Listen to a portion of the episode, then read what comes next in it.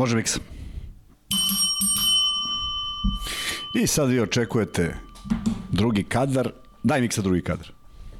Kada, evo ga. Dobro večer svima u 162. izdanju podcasta sa Lukom i Kuzmom bez Luke večeras. E, mnogo je posla, mnogo je natovario sebi u ovom danu, nije imao ko da ga zameni, nije mogo da otkaže neke e, prenose i nažalost e, ne može da bude s nama. E, ja nisam bio tu prošli podcast koji mi deluje da je bio po onome što sam video vrlo zanimljiv, uspešan i mislim da su naši gosti ili već kako možemo da kažemo naše kolege uživali u svemu e, o čemu su pričali. 162. E, izdanje, ne mogu da kažem da ste navikli, ali bilo je nekih momenta kada smo ili Luka ili ja bili u ovoj ulozi. Meni, nažalost, večeras Miksa neće pomagati u NBA, pošto dobro je poznato koliko ovaj, pratim, odnosno koliko ne pratim, ali pričat ćemo o svemu i svačemu. I nekako uh, će ovo biti zgodan moment da Miksa malo uh, iščita vaša pitanja koja budu interesantna, to će biti jedna od tema, a naravno pričat ćemo o svemu onome što nas je uh, što nas je okupiralo prošle, od prošlog, sad već koji danas, od prošlog petka, petak da, petak je bio, četvrtak je bio poslednji podcast, tako da e, možemo se podsjetimo zajedno svega, imam ja nekoliko stvari naravno, zato sam i došao večeras, e, nije isto kada, kada sam sam i kada je Luka tu, to definitivno valjda e, je svima jasno, ali potrudit ću se da držim vašu pažnju i da malo možda više komuniciramo kroz poruke kojih e, kada je, kada je onako uzavrela atmosfera posle određenih utakmica, onda poruke idu neviđenom brzinom, može se danas biti nešto sporije, pa tamani prilika da razgovaramo o nekim uh, interesantnim temama. Jedna od stvari koja mi je bila fenomenalna tokom odsustva i odmora, četvorodnevnog odmora na Žabljaku je bila da mi se javio, neka izvini, ne mogu da popamtim sva imena, toliko ima poruka, ali je oduševljen za preporuku filma Šampioni, španski film Campion, Campeones kaže da nikad bolje nešto nije gledao i eto ovaj, e, želim da vam kažem da mi je mnogo drago kad neko uradi bilo šta što preporučimo jer to onako preporučimo iz srca, a ne zato što hoćemo da se pravimo pametni nego nam deluje da su to stvari koje vredi pogledati. Naravno, ne mora svakom da se dopadne, ali bilo ljudi koji su počeli da čitaju određene knjige, ljudi koji su počeli da slušati određenu muziku, I na današnji post, pošto smo imali gostovanje na RTS-u, e, Miško Marić, Šarenac i ja, stavio sam pesmu Šarla Akrobate i naravno javio se uh, bukvalno top, naš drug Marko Topalović, kojem je to omiljena pesma, a jedan gledalac je prokomentarisao ako se ne priča o Šarlu Akrobati, neću ni da gledam. Tako da se verovatno razočarao kada je ovaj, počela emisija, naravno bila je o Euroligi, o čemu drugom. A, volio bih, volio bih da mogu da pričam i više o tome, ali ipak to nije moj period, malo sam mlad, mlad za to, a, paket aranžman Šarla Akrobata i sav taj novi talas izašao kad nisam baš imao dovoljno godina da to ukapiram u samom startu, međutim jesam vrlo brzo kroz srednju školu, dakle negde od 16. godine, tako da sam malo zaostao u razvoju, malo zaostao što se tiče a, shvatanje svih tih vrednosti koje su koje je donosio novi talas širom Jugoslavije, o tom nekom drugom neko tome nekom drugom prilikom, a može da bude jedna od tema naravno za za one ljude koji su i proživeli taj period, bilo je fantastično biti u Zagrebu, Sarajevu, Beogradu i gledati šta se dešava u, u, u tim gradovima što se uh, rock scene tiče. Uh, kad smo kod rock scene, pročitao sam da se, da se još jednom zahvalim Duletu, pročitao sam Žive rane i napisao sam na storiju da je o, to zaista onako jedna prava uskršnja priča i nisam se šalio. Ja mislim da je Anthony Kiddis toliko puta vaskrsno da to nije zabeleženo. Ako vas zanima, pročitajte. Do, dosta je teška, verujem da je iskrena, zato što apsolutno deluje da nije štitio samog sebe. Da li je neko ime možda malo drugačije promenio? Verovatno, zato što su neverovatne stvari dešavale u njegovom životu i ono što je nekako neverovatno je ta činjenica da je on sad i dalje aktivan, da je dobro i da mm, nije više u tim porucima na način na koji je bio, a prosto je neverovatno kad pročitate knjigu ne možete da izbrojite koliko puta se vraća o svemu tome, tako da jeste onako bila u duhu Uskrsa jer uh, na radost mnogih uh, Peppers i dalje sviraju nekako ja mislim da su izgubili onaj svoj zvuk, mada ima mnogo ljudi koji kažu da grešim i prihvatam neke stvari prosto zavoliš u nekom dobrom momentu u, u svom životu i onda ti ostanu pevam, pevam kad pevušim, pevam iste pesme iz 93. 4. 5. 6 nikako da se naviknem na nešto novo, iako naravno svuda ima dobre muzike oko nas, samo je sada mnogo veći problem naći presi, presu ti je servirali, a sad stvarno mora se malo potrudiš da iz, iz nekog mainstreama i svega ovoga što šajla bajla pop pesmica o, nađeš nešto što, što vredi, a ima i tekako šta vredi, tako da samo malo vremena treba, a mislim da nam to svima nedostaje. U svakom slučaju, e, čitao sam knjigu i čekao jedan moment u koji bi se na jedan vrlo indirektan način e, pojavio i ja. Naime, 96. godine smo suprugo i ja kupili karte za koncert Peppersa u Budimpešti i stvarno pominje doduše u jednoj rečenici, što znači da nisam ostavio neki naročit utisak na, na njega na koncertu. Ove, ovaj, spominje da mu je daleko interesantnije bilo u Budimpešti nego u Pragu. Kraj. To je jedna rečenica, ali baš sam se pitao da li će spomenuti taj koncert koji je bio na NEP stadionu. Pa ne više od 3000 ljudi, što je za mene bilo razočarenje, s druge strane fantastično zato što sam mogao da, da uživam u tome što su radili. Praštali su nekih sati, 15 sati, 20 minuta faktički bez prestanka i ono što mi je bilo tada interesantno, izleteli su na binu u potpunom mraku, ladio je samo laser i bacao svetlo na beli čaršav, ogroman beli čaršav iz njih i vidio si samo siluete. I sad kogod je gledao spotove i kogod je gledao njihove koncerte zna kako se kreću i kako igra Anthony Kiddis i kako Flea igra. Uh, Dave Navarro je bio tada u bendu i naravno Chad i to je bilo onako dosta, dosta interesantno i nezaboravno i da su me pitali koji, koji repertoar da sviraju, mislim da jedinu pesmu koju sam ja stavio na svoj repertoar, a koju oni nisu svirali je bila Give It Away. Verovatno zato što se što bolje zvuči u studiju nego, nego uživo, pretpostavljam da to je jedini razlog, ali bilo je, i nije bilo Knock Me Down, ali to je već dru, sad drugog albuma, tako da je možda već su uzeli neki novi zamah. U svakom slučaju, hvala još jednom Duletu što mi je dao tu knjigu, ne bi mi palo na pamet da je kupim, nekako, nekako razmišljam čovjek je još uvijek živ, šta on može tu da nam ispriča sad nešto kada karijera još traje, ali stvarno može. Zaista može i ako bi mogao da poredim neku težinu u knjizi, mislim da su podjednake i teže od neba i žive rane, ko, prva je o Kurtu, Kurtu i što je vrlo interesantno, ja sam bio ubeđen da je um, jedna pesma posvećena njemu i to sam potpuno promašio epohu. Sa tih albuma, baš s tih albuma ima ima deo pesama, deo, jedna pesma koja je posvećena i stihovi su u knjizi, tako da je vrlo interesantno ovaj, koliko jedno poštovanje imao jedan osjećaj da ovi ljudi stvaraju nešto dobro, jer su i nekoliko puta svirali zajedno. I koliko ovaj, je bilo tu nečega što meni u, nekako nedostaje. Nedostaje mi u smislu tog nekog poštovanja. Nisu možda isti žanr, bave se muzikom, umetnici su, ali se poštuju. I to je nešto što, što nam nedostaje generalno, mislim, u, u životu, pa je glupo da to saznajemo na taj način i shvatimo da tako neke stvari mogu da funkcionišu. Vrlo su se poštovali, ne kažem voleli, ali, ali su uživali u muzici jedni drugih i, i podarili nešto što su te 90. donele i odnele prosto ovaj, nije to više bila ista scena, a naravno bilo je mnogo grupa koje su, pa sad baš, da, pa baš i o Pearl Jamu piše kako su počinjali i koliko su oni bili mladi i neiskusni, pa su im bili predgrupa, tako da je vrlo interesantno, počitajte sve vas koji zanima malo šira slika od Peppersa, ali kroz prizmu Antonija Kidisa naravno. E, toliko o knjizi, znam da ovaj sad e, verovatno se mnogi nerviraju kad će košarka. Košarke je bilo dosta, bilo i danas. E,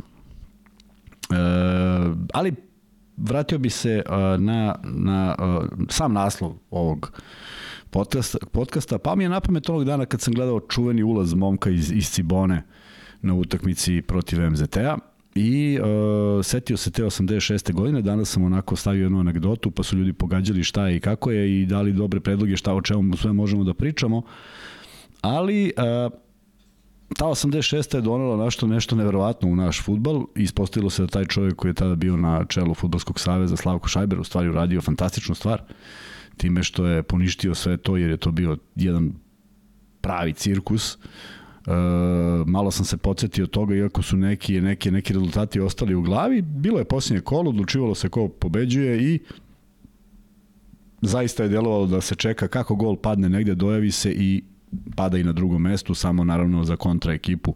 Tako da je od devet parova, pošto je 18 klubova činila liga, od devet parova samo dve utakmice su bile regularne. 0-0 je bilo negde i 2-1 je pobedio Osijek, na primjer. Sve ostalo, tipa sutjeska budućnost 5-5. Ja razumem da namestiš na 1-1, ali baš na 5-5 nekako mi nije logično. Zvezda i Partizan su pobedili po 4-0, Dinamo je u sred Voj, Novog Sada pobedio Vojvodinu 7-1, a da bi bilo još smešnije, nije sad tu bila borba samo za prvaka, već i za kupove, pa je Ofka Beograd slavio u, u, u, u Mostaru, ali džaba kad je, ne znam ko, Rijeka izvukla bod negde, vrhunac ludosti je bio da se stigne Davor Čop koji je igrao za Dinamo iz Vinkovaca, tako što je Bursać dao tri gola, ali Šipak Davor Čop dao dva i ostao prvi strelac zvanično sa 22 gola. Posle sam pogledao tu 85-86, neverovatno je da među prvih 5-6 timova nema ni jednog igrača Zvezde i Partizana.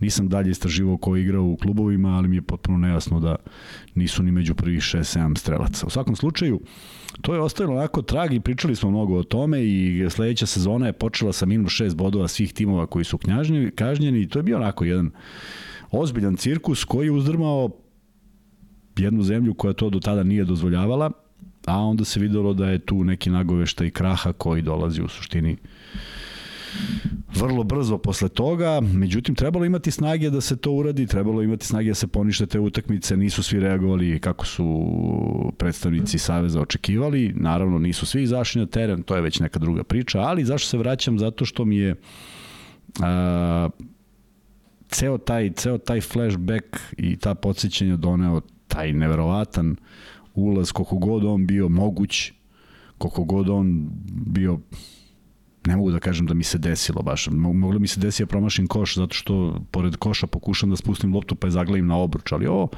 ovo je nekako delovalo prilično neverovatno. E, da se da da epilog za, završnice bude takav, ja sad stvarno i dalje ne mogu da se načudim da li je Split stvarno dozvolio sebi uh, jer ne želim da verujem u to i nikad nisam želeo da verujem da postoje ljudi koji se bave bilo kakvim zakolisnim radnjama, ali uh, ako je Split imao tu šansu da igra ponovo pred punim gripama posle hiljadu godina, ako me neko pita koliko, koliko nisam gledao ozbiljnu ekipu Splita, ne mislim da je ova bila pretrano ozbiljna, ali dovoljno ozbiljna da odigra još jednu utakmicu sa Partizanom, sa Zvezdom, Uh, da li su mogli sedmi, da li osmi, potpuno nevažno, ali mislim da to produžava sezonu i daje neki potpuno drugačiji utisak od ovoga. Split na kraju nije završio u play-offu, uh, sve one simpatije koje sam imao prema Ciboni, koja je u problemu finansijskom, mladi igrači, stalno neke peripetije, prosto tim, tim ulaskom sam izgubio, tako to kod mene ide. I jednostavno sam zaista pomislio da li je moguće da se ovo dešava na, na naše oči i da će ovako neko da se završi sezona. Uopšte ne, ne želeći da pričam koga više ili manje simpatišem i da li mi je draži borac ili MZT, nego govorimo o jednom sportskom motivu koji svako mora da ima i samo takav može da bude da bude prisutan u nekoj ligi koja drži do sebe. I onda dolazimo do završnice svega toga, e, budućnost Čačak. Nisam gledao utakmicu, kažu mi ljudi da je Borac igrao fantastično, potpuno da je, da je, da je nadigrao budućnost, da je zasluženo pobedio. Ja ne mogu da kažem ništa po tome, po tom pitanju, prosto nisam gledao utakmicu, ali sam se dan ranije, kada sam shvatio da ta utakmica ipak znači mnogo, pokušao sam da, da, da se zamislim u, u koži Vlade Jovanovića, ne zato što je bio u nekoj dilemi, da li će on ovako ili onako utakmicu. Ne, ne zbog toga. Ne zato što mislim da bi on sada prepustio uh, pobedu gostima zato što je on iz Čačka. Uopšte ne zbog toga. Nego baš zbog tog detalja sa te utakmice. Dakle, gledaš nešto što se dešava, nemoćan si da uradiš nešto, uh, gori nešto u tebi iz prostog razloga što nije objašnjivo, nemoćan si da sprečiš, lomiš se sigurno, ali ne sa aspekta ovo su moji, ono su njihovi, nego sa aspekta nekog poštenog odnosa prema svemu tome. Uh, kažem, svi koji su gledali utakmicu kažu da je Borac igrao fantastično, da je budućnost prosto. Ja sam gledao samo rezultat i video kako se kretao, tako da ne mogu ništa da kažem. Žao mi je što je Vlada Jovanović uh, smenjen, uh, bez obzira na taj poraz, zato što bilo bi divno da se sve nešto slije u krivicu jednog čoveka i tako bismo lako rešavali neke stvari, uvijek je kriv trener ili je kriv ovaj igrač pa se upre prstom pa taj odleti, ali nije to baš tako. I žao mi je što je došlo do, do razlaza Vlade Jovanovića, mislim da je dobro radio svoj posao, nažalost budućnost nije uspela u toj jednoj opet bitnoj utakmici da nešto uradi, ali zaista ne mislim da da bih to prebacio na trenersku taktiku, nego bih prebacio na ipak jedan uh, kvalitet igrača koji mi se nije dopao, imao sam svojih kritika prema igračima koji su dolazili, naročito prema sad bi me Luka podsjetio, ali ja stvarno ne usetim kako se zove momak koji je došao. Vidi, Miksa da li neko piše kako se zove igrač što je došao iz Italije u budućnost, pa se ošišao. Pa kad neko kaže ti me podsjeti, trebalo bi da znam, ali ne vredi. Tako da, uh, svašta tu se tu su izdešavalo što je podsjećalo na neki način na tu neslavnu futbalsku godinu i mnogo mi je žao zbog toga, zato što uh, posle jedan i po, jednog i po dana sastančenja Euroliga nije donala nikakvu odluku, a može u tome prilog da ide i sve što se dešavalo u smislu kredibiliteta ne Crvene zvezde i Partizana, nego jednostavno lige koje, u kojoj igraju, a mislim da im to uopšte nije bilo potrebno. Ni ligi, uh, Uh, pogotovo što ja verujem da svaka liga teži da bude partner sa Euroligom, ne da bude na suprotnim stranama, nego jednostavno da bude u partnerskom odnosu. Uh, mi stalno mislimo da to neko ne gleda. Koga zanima šta se ovde dešava? Mislim da nije baš tako. Mislim da na svakoj utakmici ima dovoljan broj ljudi koji mogu da izveste o bilo čemu. Da li je upalo 17 ili 22 upaljača, a ne o tako nekim uh, ajde da kažem i bitnim stvarima, tako da mi je žao što uh, u momentu kada se i dalje priča o tome da postoje neke wild karte, da um, nisu sigurni Zvezda i Partizan, što definitivno nije odluka, mi možemo da navijamo i ja zaista mislim da je to 99%, ali to što ja mislim ne znači ništa. I umesto da gledamo i tu dobru košarku i da nateramo te ljude iz Evrolige da kažu da, to je to, ogrešili smo se, mora da postoji učesnik, pa čak i dva učesnika, daj dva, jer je takva situacija, ne.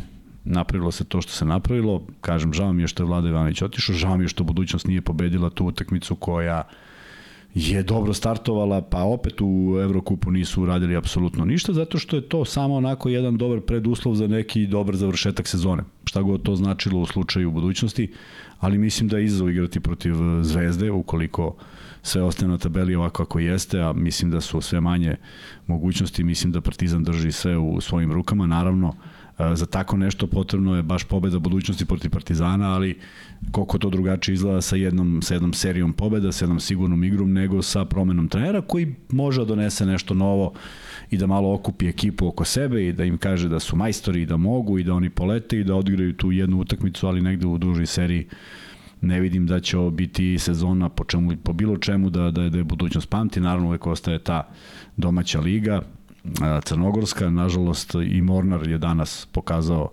da nije nije dovoljno jak da se suprostavi budućnosti s obzirom da je od prve četvrtine bilo ona razlika kojom je utakmica i završena i eto to su neki neki ovaj utisci sa svega toga m, vezano za za ABA ligu i za Evroligu i danas sam pogledao prvo poluvreme čisto da vidim malo kako reaguju igrači Zvezde, bilo je to jako dobro polovreme u suštini, ali uh, ideja o trojkama i šutirati trojke do besvesti ovaj, ne daje, ne daje rezultat, koncipirana ekipa tako, u suštini nema koga u reketu baš uh, mnogo i Pecarski ne igra mnogo u reketu, ali mi je bilo najvažnije da pogledam nešto, nešto što naravno mnogi od vas sad će, sad će možda, možda neki znaju, a možda će sada ovaj, malo sklopiti kockice. Uh, Pecarski, Petrušev i Ilić su igrali zajedno u 16 i kroz u 16 su se razvijali, igrali su tri godine, ja mislim da Ilić nije, ali Petrušev i Pecarski jesu, ako ne i četiri,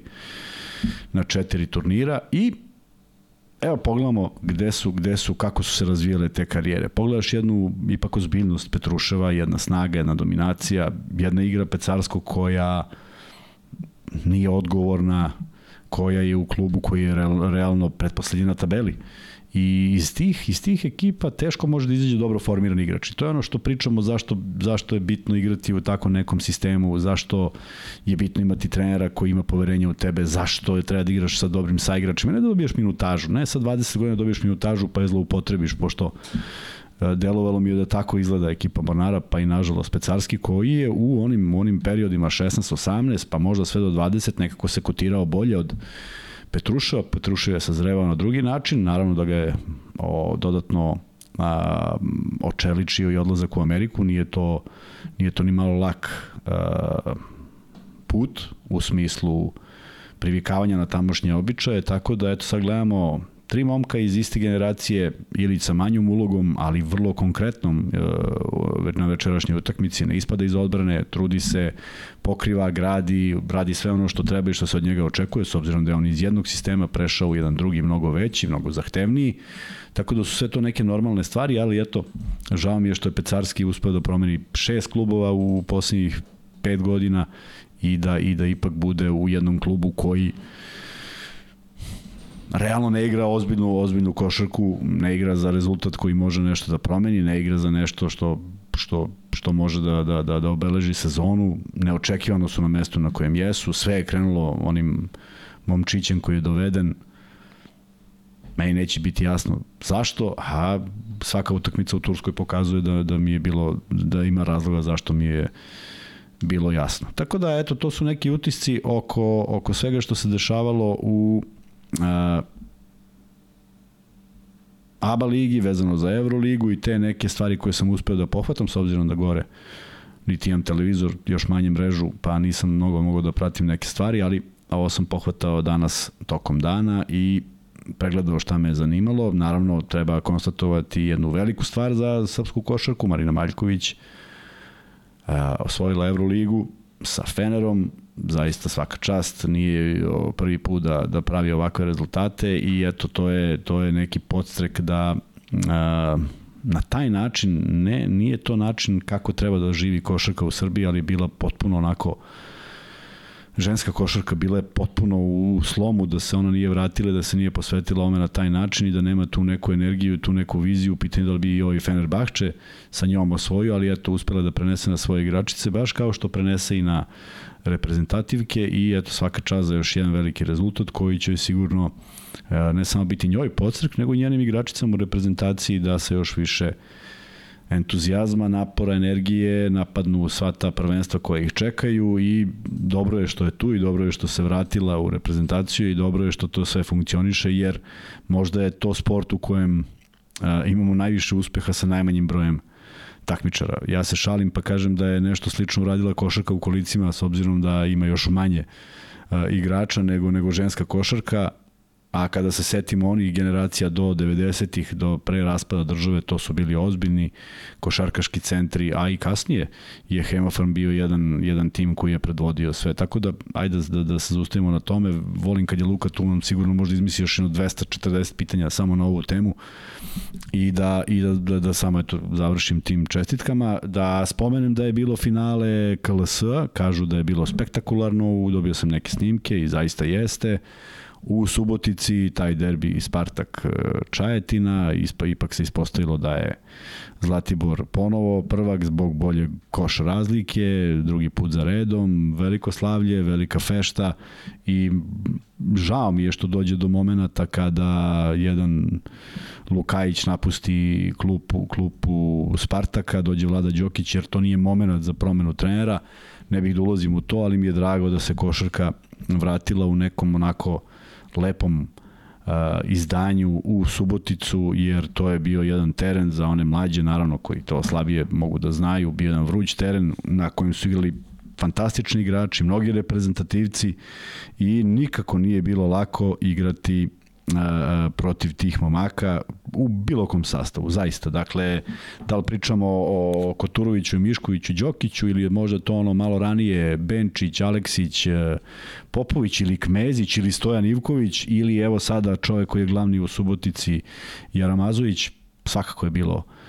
mnogo teško. Blago Ivić igrao tamo, svakako je bilo mnogo teško i i uvek pamtim te utakmice zato što je bila dobra atmosfera, a nekako puti ne padne teško. Da. Op, i onda si baš samo išao pravo, tako da na ovaj koliko god je daleko e, relativno brzo stigne se bez, bez nekih napora. Tako da čestitke na tome da se na neki način košarka vratila u Suboticu i nadam se da će i da ostane tamo, da ne, nije to neki bljesak za jednu godinu, nego da tek u stvari predstoje neke, neke dobre stvari gore.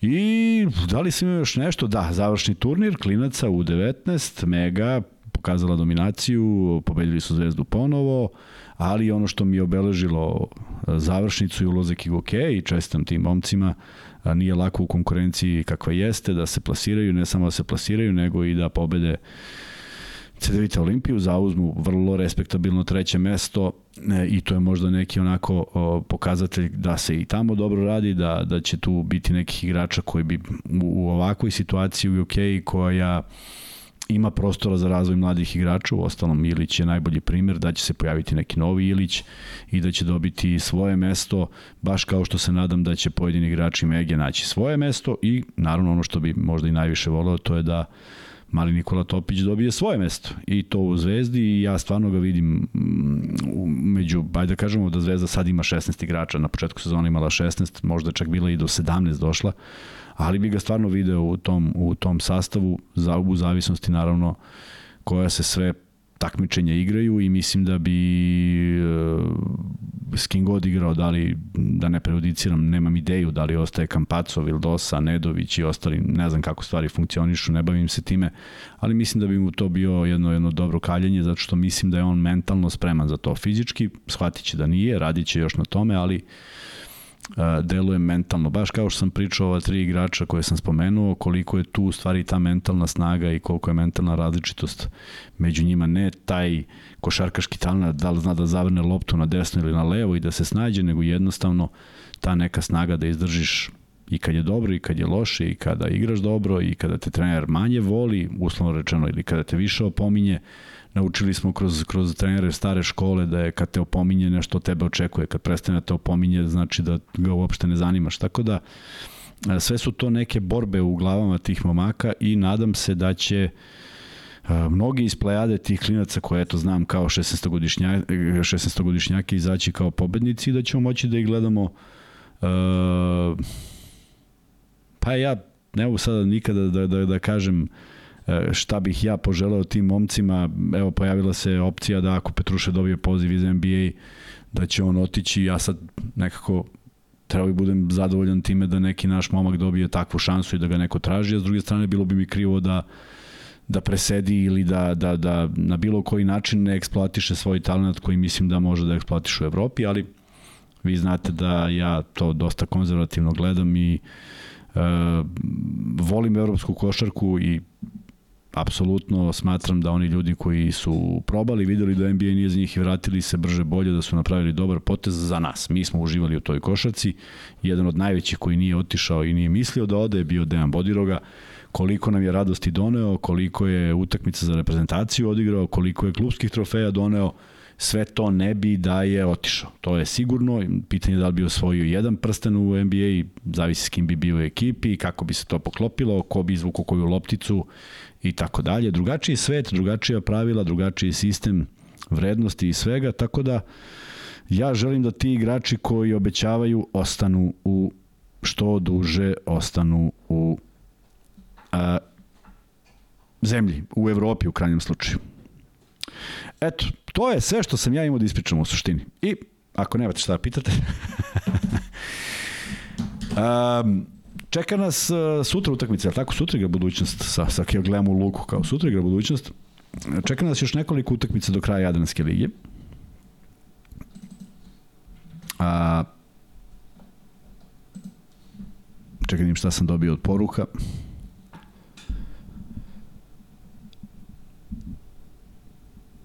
A, evo, kada da, Ivan Pejić me podsjeća da je u 19. Igoke osvojila FIBA ligu šampiona. Eto, svaka čast, to sam zaboravio i to je divna vest.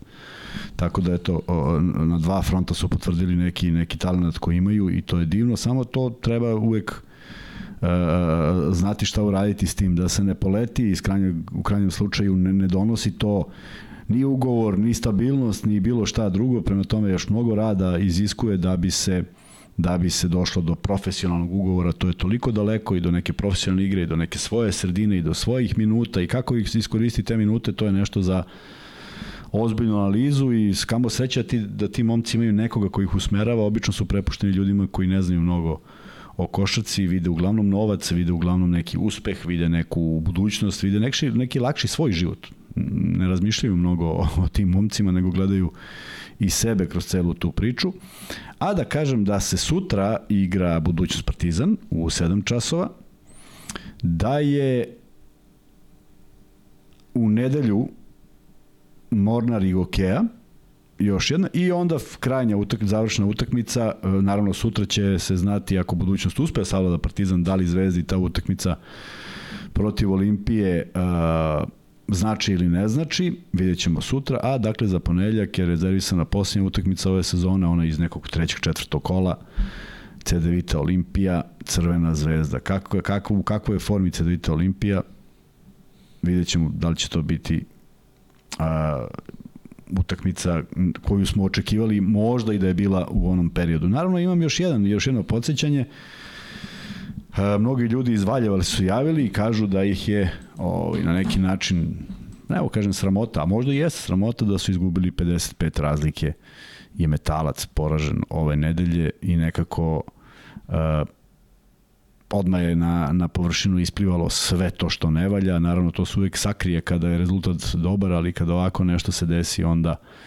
su svi prepušteni sami sebi. Spasali se ko može u krajnjem slučaju i mm, odjedno se pojavili neki nenormalni dugovi, ko će sa to da vrati, ko će da plati i onda opet dođemo u situaciju da jedan klub velike tradicije a, ili tavori ili se gasi ili već nešto treće, ali svakako nije za pohvalu kaže da kažu mnogi Valjevčani da da im je delovalo Valjev, Valjevci, Valjevčani, Kraljevčani, Kraljevci, Valjevci, Valjevčani.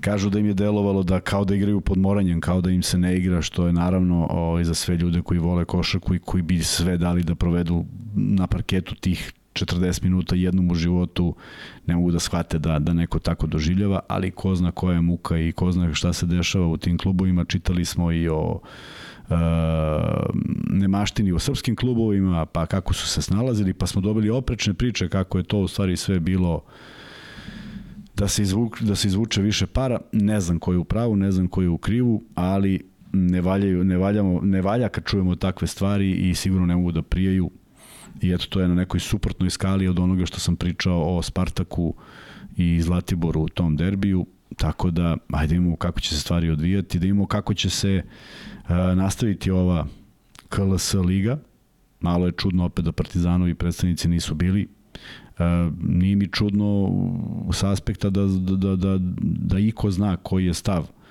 po tom pitanju, ali bojim se da još uvijek niko ne zna i da će biti nekih iznenađenja, što nikako ne volim.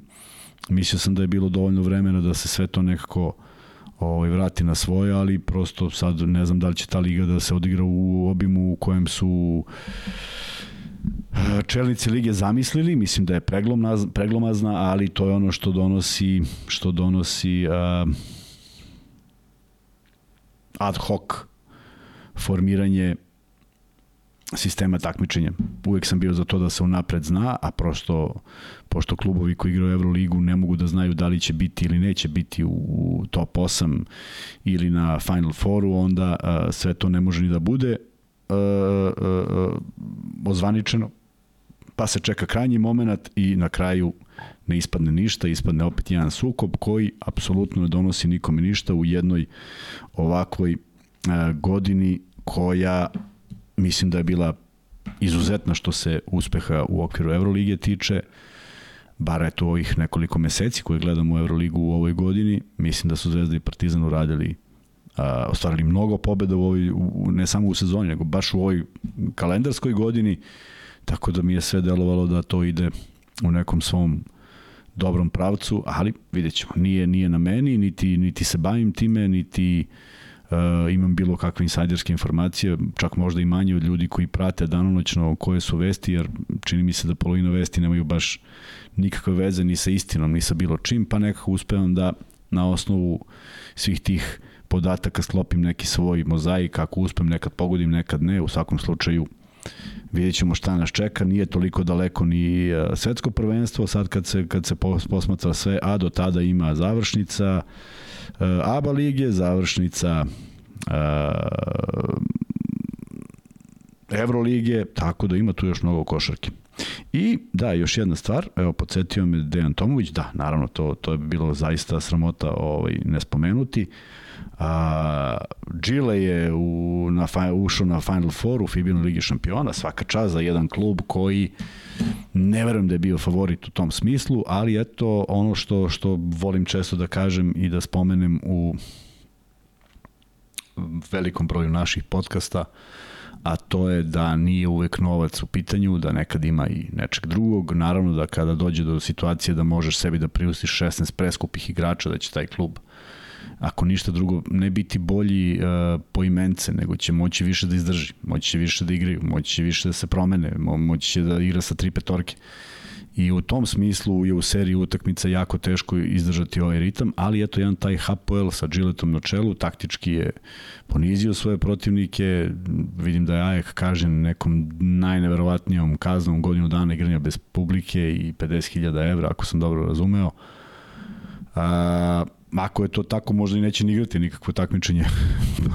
Više im se isplati da ne igraju nego da to rade pred praznim halama, ali eto, Gile napravio fenomenalnu stvar i sve čestike njemu zato što je ovo proizvod i plod dugogodišnjeg rada da bi sa jednom ekipom bilo gde u Evropi postigao nešto. Ja dobro znam šta znači Final Four bilo kog takmičenja.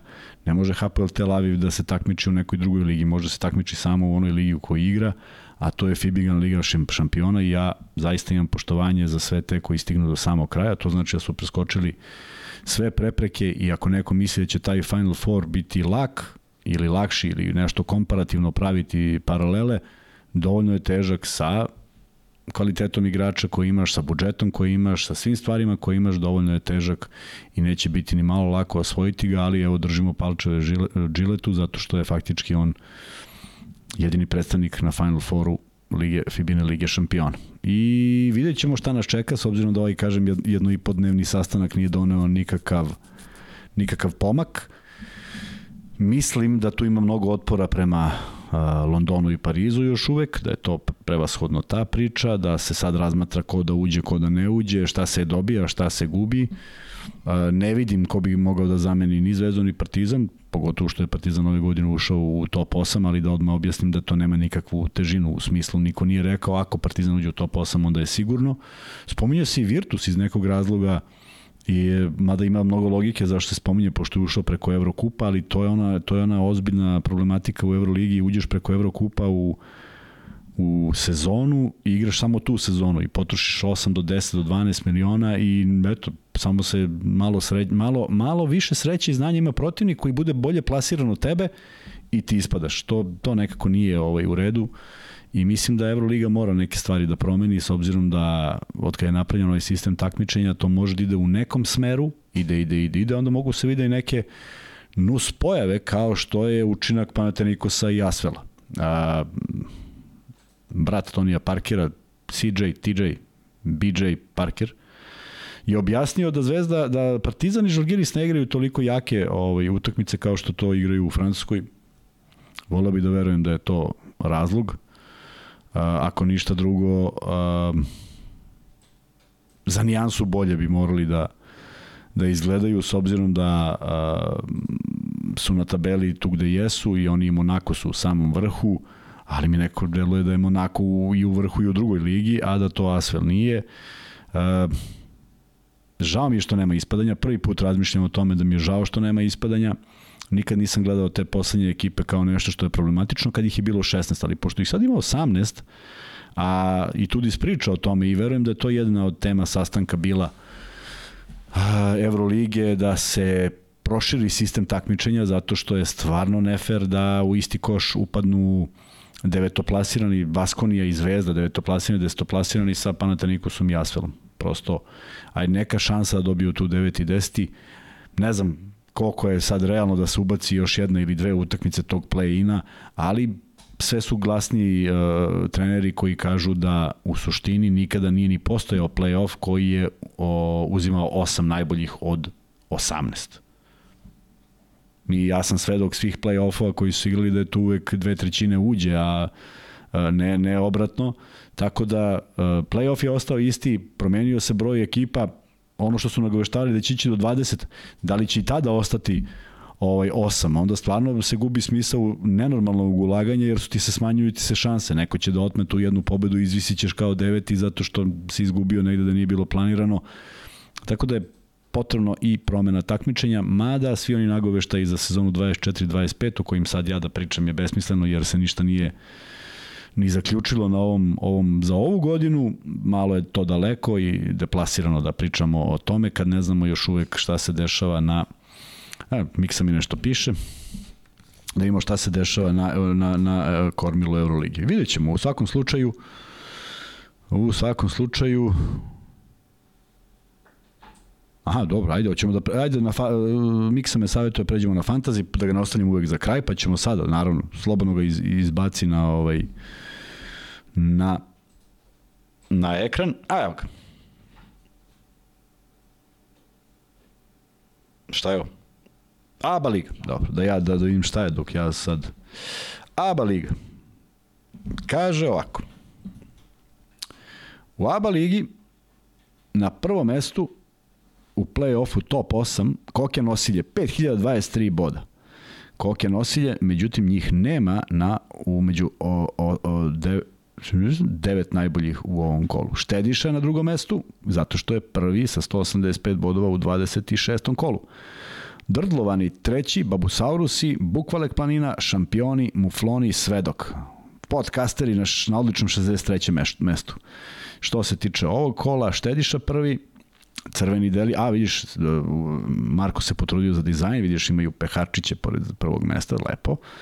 Crveni delija na drugom mestu, dva boda iznad šampiona, Padalice i Mufloni sa po 173, Svedok i 1945 171, Drdlovani 155, ali eto, Drdlovani sa tih 155 zadržava treće mesto. Štediša je ipak uspeo da pobegne za 30 bodova u ovom kolu, ali nije to ništa što se ne da nadoknaditi. Idemo dalje.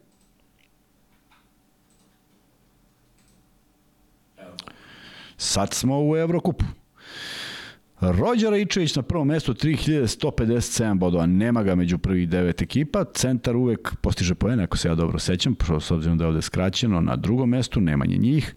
Mrtvi dom, šalimo se uvek na mrtvi dom, svaka čast momci, treće mesto i peto u ovoj nedelji, Tventa je na četvrtom, KK Čekić na petom, sve po spisu šesti, KK Leskovac sedmi i Sijena osma, Luka i Kuzma naravno na odličnom 70. mestu. Twente je šampion za, ovo, za ovo drugo kolo. Sa 200 bodova, Sijena samo bod manje, a H je 8 bodova ispod, sve po spisu, Mrtvi dom, Šilerova, Šemzojka, e, Šemzojku nikad nisam vidio. Svaka čast Šemzojka za ovih 185 bodova u drugom kolu, KK Čekić e, na osmom mestu, Luka i Kuzma na 36. u ovom kolu, odličnom 36 da vidim šta mi pišu ljudi, jer, ne, a, slu, dobro, ništa, sve u redu, slučajno me neko okrenuo. Idemo, šta smo sad, dok smo došli? Evroliga. Evroliga. Evroliga. Čekaj da mi pobegoše. Evo su. Evroliga, put za Final Four, top 8 u ligi. Twente 2 je prvak lige 55.458 bodova. RSB Team 5428 avijatičari treći, Wildfield Maxbet četvrti, Ryan Key na petom, KK Polet na šestom, Vozli sedmi, KK Part osmi, 99. Luka i Kuzma u oba slučaja. To je odlično, to je odlično mesto, cenim da, da je bilo 99 ekipa, Marko će mi to pomoći. E, prvi u 34. kolu, Milutko, sa 27 bodova, nisam ni njega čuo, dakle to su novi momci, svaka čast, 361, 36 prva Florida, sa 205, KK Institut 202, Braćalka 201, Grobar Jug sa 200, Partizan de Familia, de Familia nešto tradicione, a? Ne vidim, 195, kao i Štediša, dok su arhivatori iz Futoga sa bodom manje na poslednjem osmom mestu. I ostala nam je još koja liga? Smo prešli? NBA. I NBA moja omiljena liga. NBA playoff, top 8 u playoffu. Luka i Kuzma sa 500. To je Marko napravio da znate, da se on bavi time. Sigurno nismo Luka i ja, ali je lepo što se zove ovako. Petron, Mamba, Mabma, Mabma, možda je greška slovna, možda ko zna šta, a možda je stvarno Mabma. 461 bod. Osgilat 430, Bubanj Niš 429, Kotrljevića Panda 396, neverovatno Panda peta i na konačno i to posamo u play-offu i u drugom kolu play-offa. Hit na šestom, Hananci na sedmom, Brada i Kuzma A, seks, kako beše ono? Seks, seks, brada, Kuzma, Vlada. Svaka čast za inovativan naziv. Odmah imate moj, ovaj, o, moje simpatije. Što se tiče drugog kola, Luka i Kuzma, Bubanj Niš, Petro Mamba, Ozgilat, Kotrlovića, Panda šampioni, Stavrosili su tu i Hananci, ne, Hananci su ovde. Stavrosili su se ušunjali sa 198 bodova, iako ih nema na ovoj prvoj listi. Dakle, ispucali smo sve to. A, ili ima uopšte neki like? Ako ima, Ima kako ne. ima. 93. Koliko? 193. Kad dođemo do 200, neću ja sad preterujem pretenciozno kao do, do, do 1000, nego... Kad dođemo do 200, palimo prvi podcast, prvi, prvi podcast, prvi Free bet. prvi free bet, da. Ajmo ljudi, šest fali samo. Ajmo šest, imam već spreman neko šarkaški free bet, naravno kakav drugačiji. Uh, Miksa ima neki pitanja tu, jel ima nešto što ima, ima svašta nešto, a? Imamo svašta nešto. Dobro, ajde da prvo Inače, ispucamo free bet. ljudi žalili ste se da malo nije u sinku slika i ovo, pa radim na tome, zato smo prešli na, na fantasy E, i. Kuzma je ovo isčitao, E, dobro. da vam sve bude lepo. Dešava se nešto, šta da radimo? Nismo, nismo ovaj, u stanju to da predupredimo. Mm. I evo Zoran Marković kaže Valjevci, da, Valjevci, slažem se. Da slika stoji. Naša slika stoji. Da. Sad smo se zamrzli. E, sad. Ali se dobro čujemo bar. Sad ćemo da rešimo. To je najvažnije da se dobro čujemo. Ako nas neko čuje, to je najvažnije. E, sad sam ja utihnuo, nemojte misliti da nas ne čujete, nego sam prosto prestao da pričam. Čekaj ja da uključim ovdje vidim koliko ima lajkova. Da bih Evo ga, mogao- 220 odmah čim se, Opa, 220. čim se zatražio. Jedno pitanje za malo starije, ne mnogo starije, a mogu i ovi mlađi da se potrude. Čija je uzrešica hiljadu mu jelenskih rogova? Ajmo, ko prvi odgovori?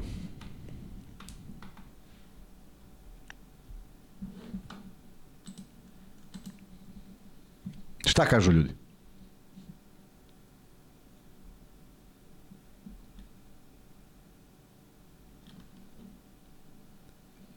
Ne kažu ništa? Ne kažu ništa. Dobro, čekamo sada. da kažu.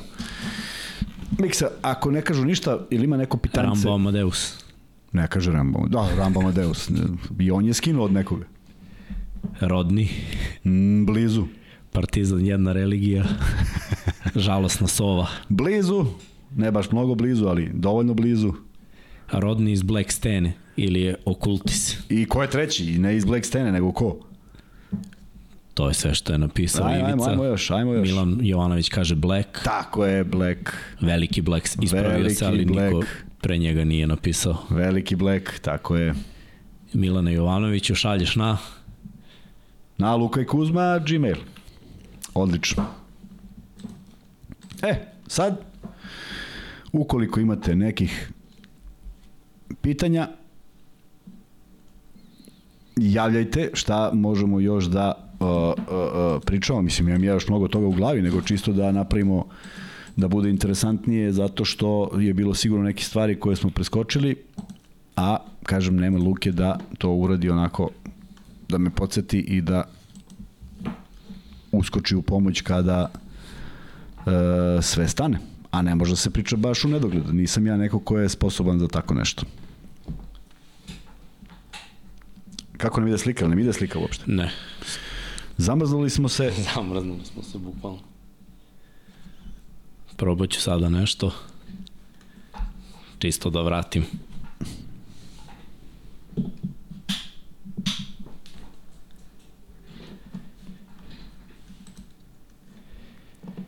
Kaže Kuzma daj malo NBA i pitaju kad će Luka. Kad će Luka? Luka, ne znam kad će. Sledeće nedelje ćemo, nego, nego večeras nema. Slabo to i NBA. Možemo nešto staro iz NBA-a. To uvek možemo. Imate svakakve ovaj, po Instagramu svakakve uh, klipove koji se vrte. Zabavne, kvalitetne, a, one klipove gde su bili poprilično brutalni faulovi i to na velikim zvezdama ne samo onako neki sporadični, nego jednostavno upleteni su i Jordan i Beard, Nisam, ne, nisam, nisam Magica nikad vidio da se bije, ali ovi su bili malo prgaviji, pa, pa jesu. Barkley naravno uvek, koji voli da drži igrače Sijetla za dres Peytona i ja mislim Kempa. Tako da je on uvek bio u centru pažnje, naravno naročito sa Shaquillom O'Nealom sa kojim danas radi SPN-ov studio i to vrlo kvalitetno i vrlo zabavno. Eto, nekad su bili ozbiljni rivali na parketu.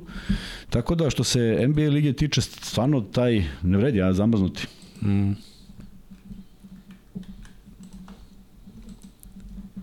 Pa sad ne znam šta možemo da uradimo. Hoćeš Osim... da prekinemo pa da pokrenemo ponovo. Pa, Možemo da pitamo ljude da li to hoće i pa, onda da mogu da vide lepo. Pa mislim vide mene svakako kako god da stojim, ali ovo, ako, ako radi ton To on radi, da, pa vidiš, ljudi Ajde, stavi, sve. Pitaj, da, pitaj. Evo stavit ću pol pa da, da pitam. Ako, ako želite da menjamo, mada bit će manje više isto. ali... Gledat ćete Kuzmu. Vidite Kuzmu i ovako. Možda vratiš nazad tu sliku, ne može ništa sa tom slikom. Da budemo u lepšoj, u lepšoj pozi. Slikom, da, pa ne mogu, nažalost.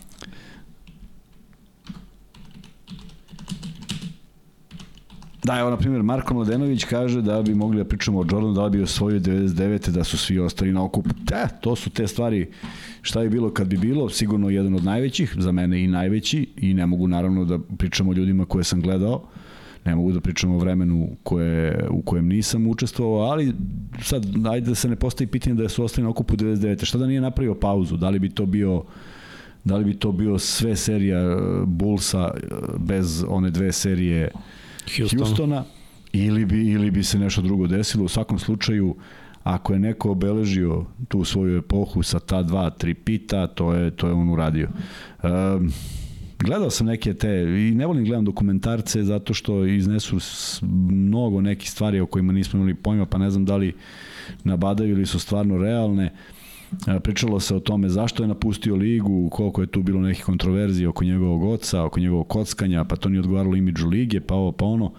Ne znam šta je od toga istina. Meni je bilo strašno krivo kad se on povukao, a onda sam bio srećan kao malo dete kad se vratio, pa čak i onu sezonu njegovog povratka kad je nosio 45, u jednom meču čak i 12, tako da mi je bilo samo bitno da ga gledam, da li osvaja titule manje manje bitno, međutim opet se pogodila fantastična ekipa, neko je to sve dobro skautirao, neko je dobro sastavio te momke i oni su napravili još jedan podvig, a sad šta bi bilo te poslednje godine, mislim da je prerano otišao u penziju, to se videlo kad se vratio, da je još mogao da igra, e, šteta za košarku što nije iz nekih njegovih privatnih razloga uh, verovatno se povukao, a i, znaš, negde sam razmišljao uh, koliko je lepo povući se u, u, u Zenitu.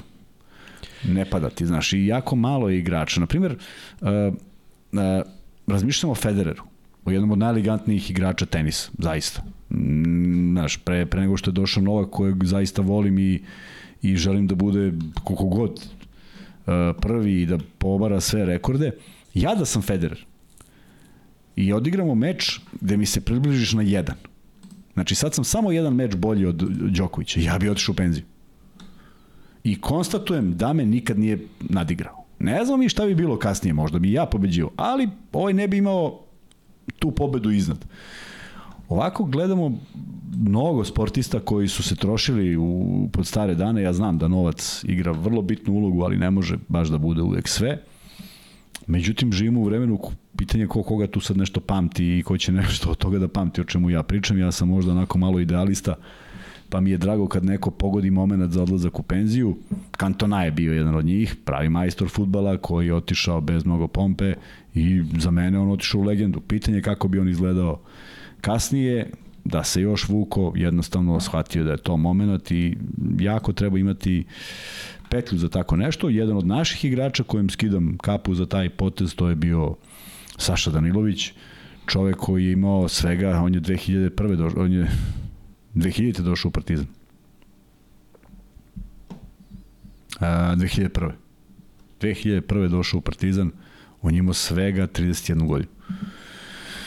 Tako da to su neke odluke koje su ozbiljno teške, ni malo lake, prekidaš sa jednim načinom života, ideš u nekom drugom pravcu i mislim da, da bi malo ljudi izabralo taj put, da u tako mlad, s obzirom da je mogo da igra on sa svojim telom, pa sigurno još jedno četiri godine bez problema, pet, a pritom za ugovor koji je više nego garantovan, za ugovor koji je više nego fantastičan i uh, u krajnjem slučaju toliko je bio veliko ime da je mogao da uzme taj novac i da ne igra, niko bi mu nebo zamerio, mogao da prijavi povredu, ali to je taj karakter koji te tera i da budeš bolji i da jednostavno ne znaš da foliraš. Tako da ja se divim tim ljudima kada, kada to kada daju svoj maksimum uvek.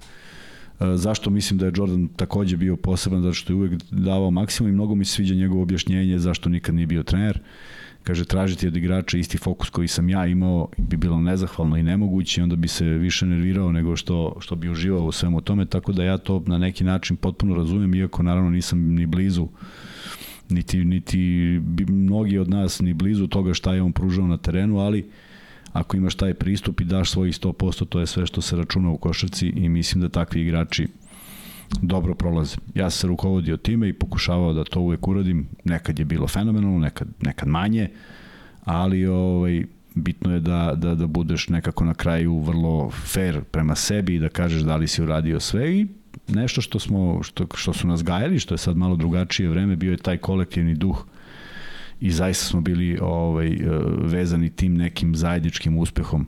Sad ovo što gledam kada, kada igraju klinci utakmice, bilo futbol, pošto mi sin trenira futbol, bilo košarku, povici sa tribina su grozomorni, ne daj mu, idi sam, ne daj nikome, E, prosto neverovatno da su decu stavili u kolektivni sport i žele da se istaknu na jedan potpuno pogrešan način. Naravno, roditeljsku sujetu hrane, hrane mnogi treneri koji kažu da baš tako treba, iako 100% ne veruju da, da, da je to nešto će napraviti igrača od njihovog deteta, ali oni to vole da čuju, veća je uplata, veća je članarina, može se kupi koji komplet dresova i tako to funkcioniše i gube se ta deca naravno čim uđe u konkurenciju kada nema protekcije i zaštite. To je za neku drugu temu, mislim da nije toliko daleko da pričamo o tome, samo naći prave sagovornike. Glasanje je gotovo. I šta kažu? 69% hoće novi stream, 30 neće. Ajde da prekinemo onda, pa neki ide novi. Ajde. To sad ću ja da zakažem, znači sad je 4 do 11, tamo dok restartujemo u 11 Eto, krećemo. Ajde, vaši. Vidimo se u 11.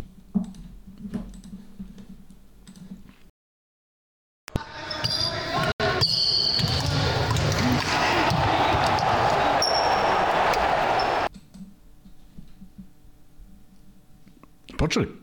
Uh mhm. -huh. A, pa neću ponovo da udaram ovo. Dobro. A, dobro. A, sad radimo, a? Dobro je. A, gde smo stali? Ajde, e, stiglo je nekoliko pitanja, pa ajde da, da ovaj, za ljude koji su se kasnije uključili.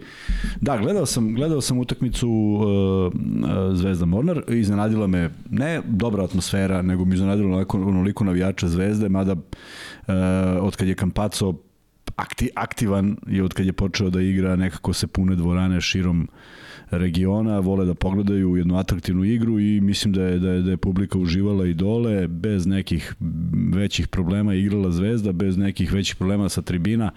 Jednostavno, ono što je donao Mornar pre nekoliko sezona, kada je čak i uzeo titulu budućnosti koja je uvek glavni favorit, nekako nije na tom nivou. Ja se sećam nekih utakmica iz škole Jugoslavija, tako se zvala, pre nego što je dvorana Topolica uopšte napravljena, to je bio potpuni potpuno ludilo i zaista neverovatne stvari su se dešavale tamo. Nekad smo izlazili kao pobednici, nekad ne. Međutim, sad je sve to bilo drugačije u jednom onako prijateljskom maniru i stvarno su imali da vide za polovreme nekih 50-47 pojena, mislim da je Zvezda dala. Uh, atraktivne košarke, Petrušev koji je bio odličan, e, Nedović koji je odigrao jednu izuzetnu utakmicu, to je ono što negde, negde svi priželjkuju, mnogo racionalnije, na prodor, šut duga dvojka, nije ušla dva puta bez nekog problema, jednostavno to je košarkaški potez.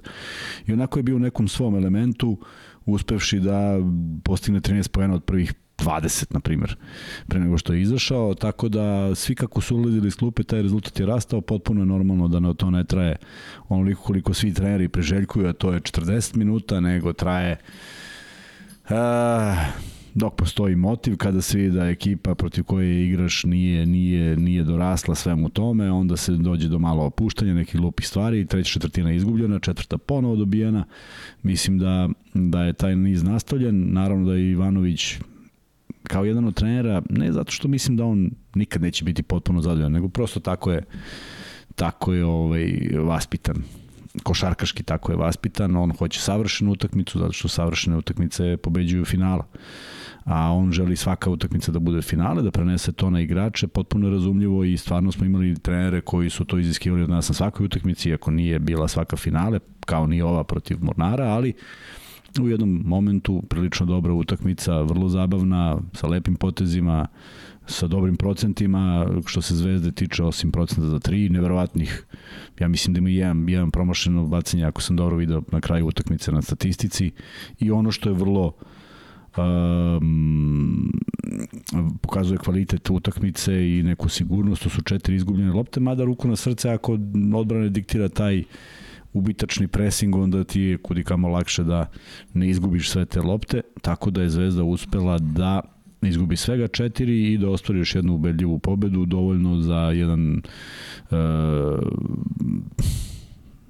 uvod u utakmicu koja može da znači, ne mora da znači, ali svakako i ako ne bude značila, to ne znači da treba da se otalja. A, Smelt Olimpija, Smelt Olimpija, CDVita Olimpija mora da bude na svom mestu, da se pokaže ko je tu ipak kvalitetniji tim, to će zahtevati Ivanović, to svi igrači koji su danas igrali, a mislim da su igrali svi, osim što Vildosa, verovatno iz razloga neke rotacije nije bilo u sastavu, nemam baš neku informaciju šta se tačno dešavalo i zašto ovaj zašto ga nije bilo, ali mislim da ali mislim da nije škodilo Zvezdi da, da, da, da se to osetilo jednostavno čudi me da Holand uopšte nije ulazio u igru opet izbor trenera u svakom slučaju i bez njih dvojice je to izgledalo ovaj, prilično dobro baš me zanima samo da vidim a, statistiku, samo da bacim pogled na statistiku. Samo ja to da nađem sada. Evo ga. Da. E, Zvezda ukupno imala 61% za dva, što je fantastično, 49 šutnutih troj, trojki i ono što, što ja više volim da gledam to je svega 17 šutnutih trojki, nije bilo potrebe za više, 13-12 slobodna bacanja mada i interesantno da je Mornar nadskakao zvezu do duše za jedan skok, ali imaju 9 ukradenih i svega 4 izgubljene s druge strane zbog presinga koji je na naročno na početku utakmice bio prisutan Mornar je izgubio čak 16 lopti. A, Lazarević 9, Kampaco 5, Mitrović 13, iako je ušao tek negde u, u drugoj, ja mislim u drugoj četvrtini. Tako je igrao svega 12 minuta, 5-5 iz igre, 3-3 sa linije slobodnih bacanja. Fantastično i vrlo bitan igrač ponovo u formi. Lazić trojka jedna, Martin 6 poena, 3-3 iz igre, Dobrić 8, 4 od 7 i opet lošiji sa, sa šuta sa, iz šuta s distance. Ivanović prilično dobar, ne samo zato što je postigao 10 poena, nego zato što ima najviše asistencija posle Kampaca, to je 5. Ilić 4 poena za 8 minuta, 2 od 2, verovatno iz reketa, kažem, to je dolazilo u drugom polovremenu i Nedović sa 5 od 8, 2 od 3, 4 4, sasvim e, pristojno, Petrušev 3 od 8, 1 od 1 za 3 i e, 3 skoka uz uz, ja mislim da ima više od jedne ukradene, ali nije ni važno, jedna je već bila u prvoj četvrtini. U svakom slučaju, e, dobro izdanje, ali kažu da stream, da stream i sada prekida i secka konstantno, ali šta radimo? Ako me čujete, a mislim da je to najvažnije, onda ovaj, žao mi je što ugođe nije bolji, nešto se dešava sa internetom, ne znam koliko možemo da utičemo na to, tako da mi je žao, ali ako je ton dovoljno dobar, Marko, je li dovoljno dobar ton? Ako možeš potvrdi mi, ako jeste, onda smo, onda smo na konju. A može se sluša sutra na Spotify-u bez, bez gledanja. Uh, Milan Jovanović pita da li ima nešto novo za utakmice na Adi, nema, čekamo bolje vreme, ali ovaj nisam stigao da podarim ni sve dresove, pa tako da tek to treba da se desi, ali svi budite strpljivi, zaista se radi na sve strane i sigurno će ta utakmica biti samo da nam dođe ajde da kažem, sponsor s kojim smo napravili novu priču, to je Ultra, ona će biti jedan deo uh, tog spektakla, mnogo im je lakše neke stvari da organizuju nego nama dvojici, tako da čekamo da dođe u Beograd i da se definitivno dogovorimo oko datuma, da ubodemo neko lepo vreme i da se svi provedemo. Ima i mnogo ljudi koji su se ponudili da pomognu kroz bilo šta. E, Zaklao bih se da je neko pričao i o pečenju ili jagnjetu ili volu ili nečem trećem. U svakom slučaju tu smo za ovaj, da napravimo što, što bolji što bolji ovaj što bolju zabavu. Što se tiče nas dvojice, sigurno ćemo biti treneri te dve ekipe. A, sad mi neko šalje da je Lokomotiva Kubanj pobedila CSKA Moskvu 84-81. I sad vode u seriji 2-1, vrlo interesantno. Lokomotiva Kubanj je postigla 31 poen u četvrtoj četvrtini. 31-12 je poražen CSKA. Neverovatno. Da mi je neko rekao da je to moguće, rekao bi da nije. Šta kaže Miksa? Šta si mi poslao Miksa? Sliku. Da, i šta je tu? Sad je dobro. Aj, dobro, dobro, odlično, možda je starija poruka, hvala momci, hvala na informaciji. E, spremni smo, ja sam od početka spreman za vaša pitanja, Miksa je sad tu i ovaj, slobodno cepajte, ja ću onako iz, iz da pričamo o nečemu što mi padne na pamet, a manje više sve ovo što smo pričali smo, smo prešli uh, kroz, kroz onaj moj uvodni deo, kroz moj monolog, ali kažem ako ima neko nešto što želi da pričamo, možemo o čemu god hoćemo. Miksa ima i za tebe pitanje, ali sam ga izgubio sad negde. Da, Ivan Pejić nam kaže, i to sam vidio da se, da se Milutinov povredio u drugoj utakmici, iskrenuo je zglob nešto 50 sekundi, 30 sekundi, 17 sekundi do kraja, nešto jako malo. I da, to je drugačija ekipa, ali svejedno 31-12 u četvrtoj četvrtini izgubiti tri razlike, to znači da si bio u ozbiljno dobrom u ozbiljno dobroj prednosti e, tokom, tokom te četvrte četvrtine.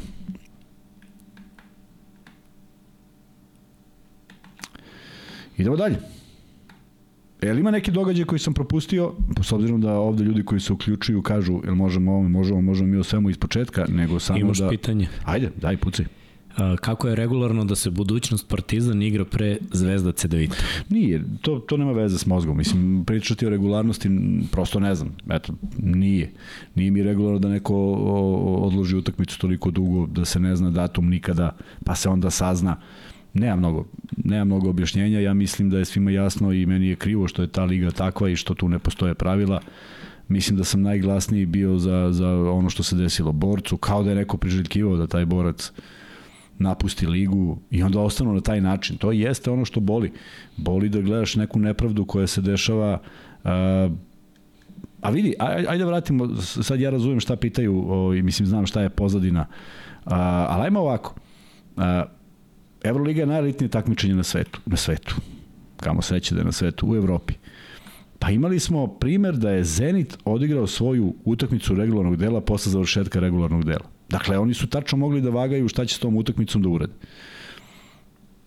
A, a, a govorimo o, sigurno o ligi koja je, ajde da kažemo, na nekom višem nivou. Mada bio sam u sedištu Evroligije, radio sam nešto po potpuno 15. pitanju, pravili smo neku aplikaciju koja se zove Couch Coach, da budeš trener sa kauča, kako samo ime kaže, to je sve razvio Nenad Nikolin, čovek koji je bio u tom, da, da, da mi to plasiramo, otišli smo tamo, zaista ponudili, vrlo su prihvatili lepo, ali nisam ja ta bio fasciniran nikakvom ludačkom organizacijom, niti da su to neki ozbiljno pametni ljudi koji kad progovore tebi sve lepo u životu. Jednostavno to su isto momci koji tamo rade, koji se trude, neki znaju, neki ne znaju, tako da nije to savršen sistem, daleko od toga da je savršen, da jeste, ne bi se dešavali propusti kao što se dešavaju.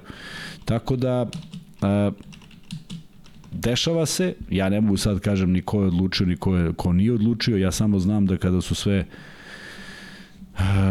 kritike bilo upućene Bartomeu, govorio sam uvek da nije on čovjek koji odlučuje, njegova smena je valjda pokazala da nije on čovjek koji odlučuje. Tako da ako ABA ligu vodi jedan čovjek, onda ja ne znam šta ovi drugi ljudi rade i što bi bio deo toga. Ja nikad ne bi bio deo ABA lige kada bi neko drugi odlučio umesto mene, prosto takav sam, ne bi bio deo toga, tražio bi negde sreću na drugi, na drugi put, u drugom nekom, na drugi neki način, išao bi u neku drugu ligu, Uh, otišao da igram FIBA ligu šampiona, uradio bi ovo što je Gila uradio i bio na Final Fouru i napravio neki uspeh u životu, nego što bi bio deo nečega što ne funkcioniše i ja sedim i gledam kako ne funkcioniše. Prosto nikad nisam bio, nikad nisam volao da budem, ne mogu da zamislim da to tako funkcioniše.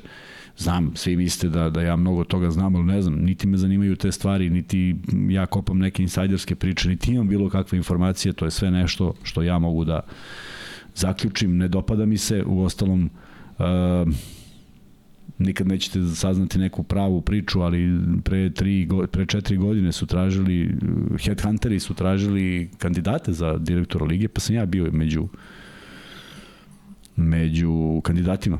I to su me predložili oni. Dakle, niko od naših klubova, niko od klubova, jednostavno predložili su me oni.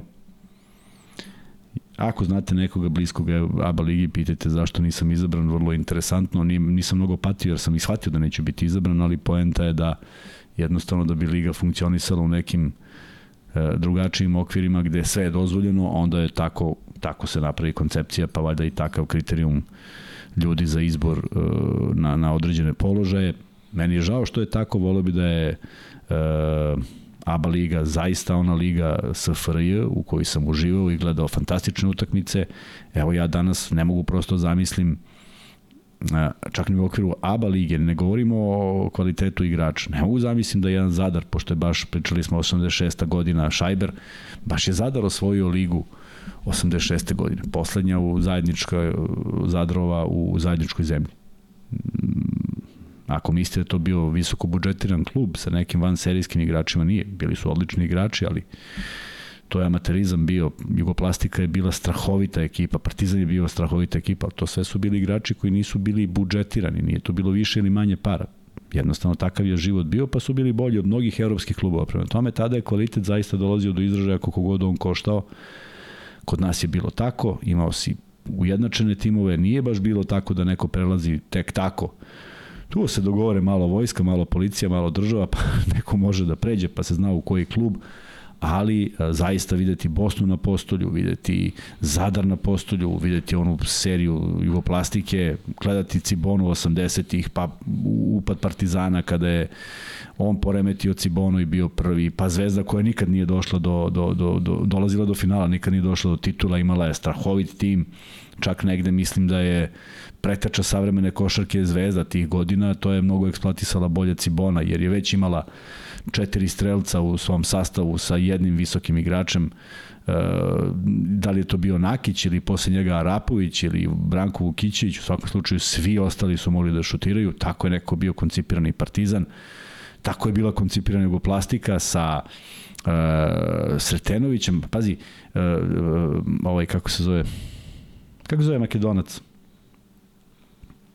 Naumoski? Naumoski. On Imaš igra, pitanje za njega. Ej, on igra u tom periodu koliko Jugoplastika bila jaka. Luka Pavićević, on, Duško Ivanović koji je bio strahovit strelac, on je šutirao dvojke, prosto nepogrešivo, vrlo specifičan izbačaj, Kukoč, Rađa, dakle, Sobin koji je bio potpuno suprotno svima, Savić koji se pojavio s neke planine, tako izgledalo, potpuno od udara od talenta ovih momaka, a doneo svu tu snagu u reketu. Prema tome, uh, hoću da kažem da se igrala dobra košarka i ja bih volao da nešto tako gledamo, ali sad svi kažu da je samo u pitanju novac, ok, možda i jeste, zaista ne znam, možda i jeste, ali onda onda stvarno ima nekih misterija šta se šta se nekad i kako se nešto, desi.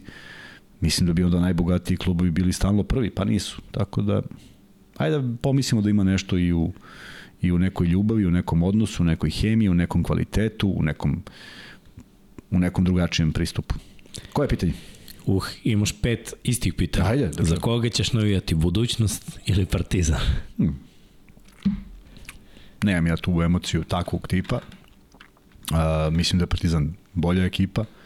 Mislim da je bilo veliko iznenađenje da budućnost pobedi po svega što se izdešavalo. Uh, nemam ja sad kao sad budućnost igrao ja, pa sad oni moraju da budu nešto. Ne.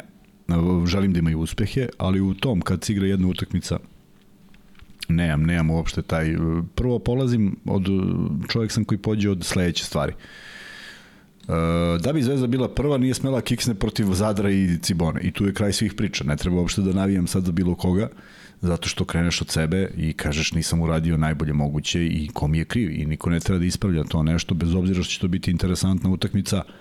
Volao bi da bude interesantna zbog same košarke, volao bi da budućnost pruži otpor da to bude nešto slično utakmici u Splitu, jer je to donalo draže, jer to gripe nisu videle tu utakmicu Split Partizan, realno. I Naneli majestralno završava utakmicu i uh, uh, u onim svim preokretima to je neki konačnik gde, gde Partizan dobija tu neku snagu. Pitanje je kako bi se završilo, kako bi se nastavila sezona da je Partizan tu kiksnuo mentalno. Tako da to su sve neke stvari koje, dono, koje košarka donosi i ja bi u tom segmentu volao da vidim dobru utakmicu, ali da sad, posle svega što je Zvezda uradila, E, rezultatski loše, ničim objašnjeno, zaista nemam objašnjenja ni za Žalgiris, ni za Panateniko, što sam danas pričao u emisiji oko, nije mi jasno i verujem da kad bi došao kraj sezone pa da neko objasni ko je merodavniji šta se tu desilo, jer objašnjenja ima malo, ne mogu da prihvatim e, činjenicu da je e, Zvezda izgubila od Cibone na način na koji izgubila, iako su to bili šutevi koji nemaju veze sa životom i neće nikad ponovo završiti u košu, ali jedna, jedna, jedna digresija na, 90, na 2000, na 2001. godinu, Budućnost imala 55 pobeda za redom. Bili smo poprilično moćna ekipa. Ja sam naravno nasledio deo tih pobeda, ali smo gazili sve živo. I izgubili smo od koga? Od radničkog sa crvenog krsta. Ko igra za radnički crveni krst? 12 kadeta i juniora. I jednostavno ništa nije išlo u tu utakmicu. Šta god da si radio, da smo igrali još 3 dana, verovatno nikad ne bi preokrenuli desi se, nemaš objašnjenja, ali to bio jedan kiks. A ovo je bio kiks koji te odvodi u potpuno suprotnom pravcu i to se nadovezuje na veliki broj uh, utakmica koje su izgubljene na isti način i naravno da uh, prvo moraš da, da, da, da središ to, da nađeš uzroke toga svega, a tek onda da navijaš za nekog drugog da bi ti malo pomogao, jer uh, mislim da sreća stiže kad uradiš sve tako sam doživljavao sve u životu, kad daš sve od sebe, onda te nešto, nešto pogleda. Ja mislim da je Final Four na toj mojoj poslednjoj sezoni, faktički poslednjoj zvaničnoj utakmici, odigrao sam još tri posle toga. Uh, u sledećoj sezoni odigrao sam turnira, tri, tri utakmice u Beogradu, gde je prvi put jedan rumunski klub pobedio mislim da smo ili protiv Avala Ade ili, ili tako, ili napretka iz Kruševca. Ne sad neko je bio u Beogradu. Uh, Dakle, ovo je jedna od, taj, taj, taj Final Four je jedna od posljednjih utakmica, ja mislim da je došla kao proizvod svega što sam uložio u karijeri. Ne zato što sam ja sam odigrao tu utakmicu odlično, maltene bez promašaja, ali sve se to skupilo u taj moment i, i, i ja tako to doživljam. Kao jedno veliko hvala za sve što sam ja dao košarci i što ona dala meni i to se samo ovaj na kraju na kraju uh, završilo na taj način. Naravno, bio sam presćen, dan danas sam ponosan na to i uopšte na celu karijeru, ali nije bilo lako, bilo je mnogo padova, ko misli da ih nema greši, bilo je, bila je ta povreda koja me odvojila od Atlante, nisam dramio nad tim i mislio gde sad ide moj život i moja karijera, sve se nekako složilo, već sledeće godine osvojena titula, Uh, još dve posle toga, u tri zemlje druge još po jedna, prema tome sve nekako leglo na svoje, vrlo sam ponosan na to, a kažem, mnogi igrači koji dožive tako nešto i budu skrajnuti sa spiska, mogu bi da ih, da ih ja i svoje generacije imenujem bar 5-6 koji su potpuno, potpuno pogrešno usmerili svoju karijeru iz nekog besa, iz neke ljutnje, jer nisu davali sve od sebe i mislili su da zaslužuju nešto o, više od onoga što im pripada. I dan danas ima takvih uh, ljudi koji misle da u ovim godinama im pripada nešto, srećete ih. Verovatno ste neke i sreli, s nekima i pričali, videli da je to jedan onako čudan, čudan, čudna vizija života, ali šta je tu je, to se dešava i, i zato treba čitate i da malo gledate filmove i da slušate muziku i da širite vidike i, i tako, eto, žive rane za početak slobodno. Ovaj, ako, zaboravio se na žabljaku. Rado bih nekom dao da pročita, ali tek, tek na leto kad budem otišao. Imaš pitanje baš vezano za karijeru. Vuk Grvić pita koliko si dnevno trenirao pre nego što si postao profesionalac? A, pitali smo već ljudi da pričamo o svojoj karijeri, ja sam mislio da je to već ispričano, ali očigledno nije. Uvek vjerojatno ima ljudi koji to nigde nisu zakačili.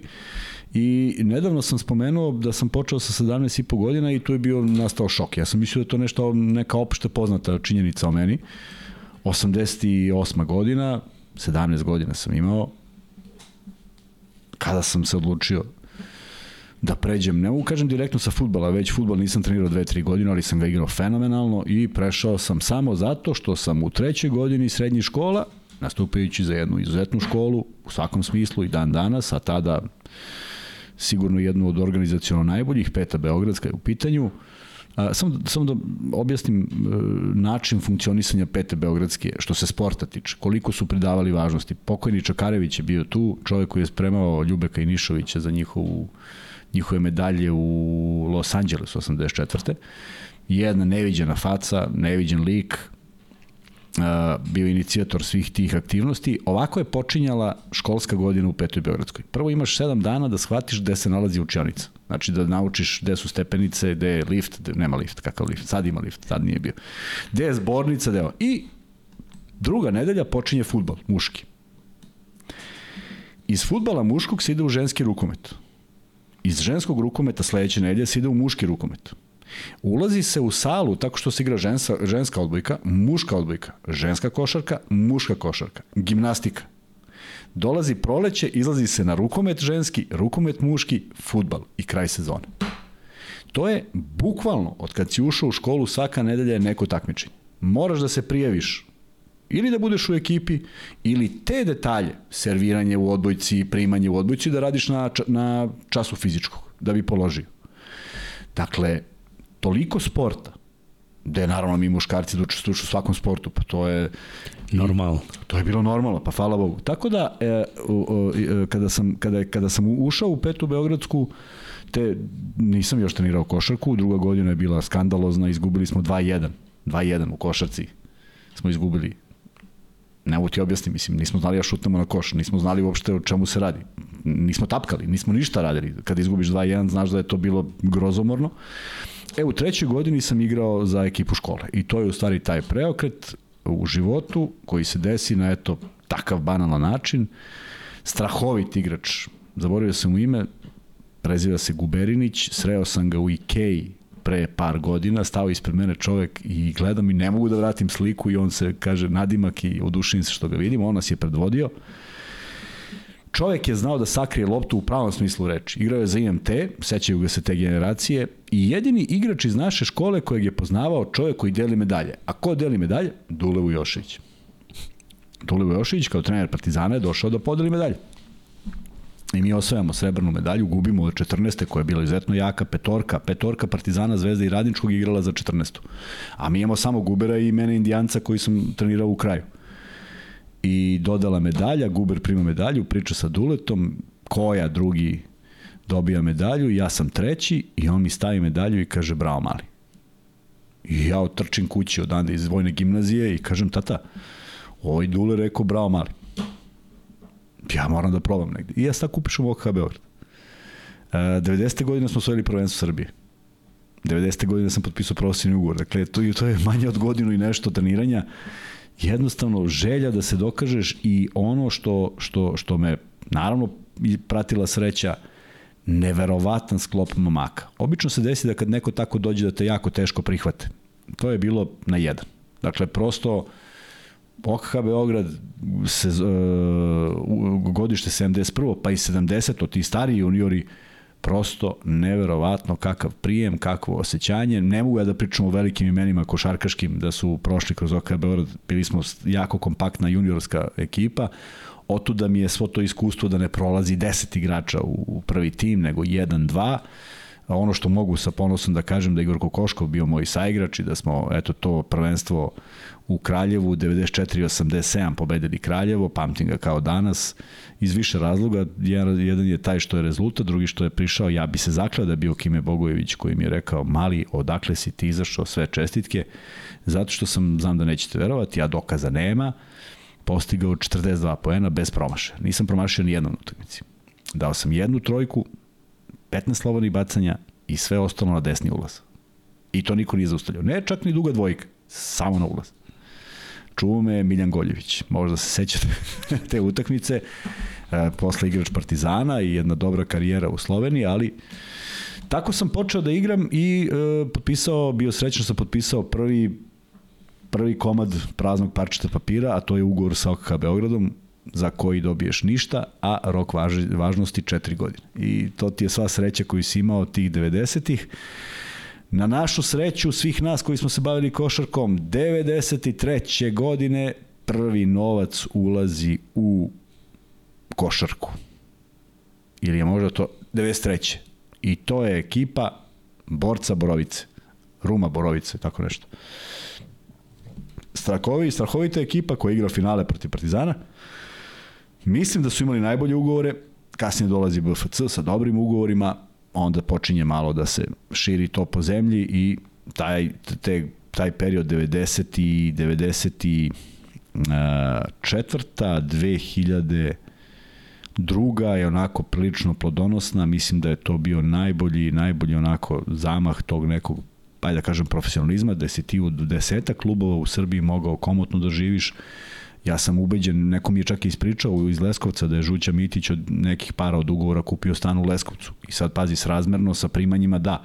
On je kupio stan u Leskovcu i živi u Leskovcu. Možda nije mogao da kupi stan u Beogradu, ali bilo je dovoljno novca da si mogao da osmisli život, to hoću da kažem.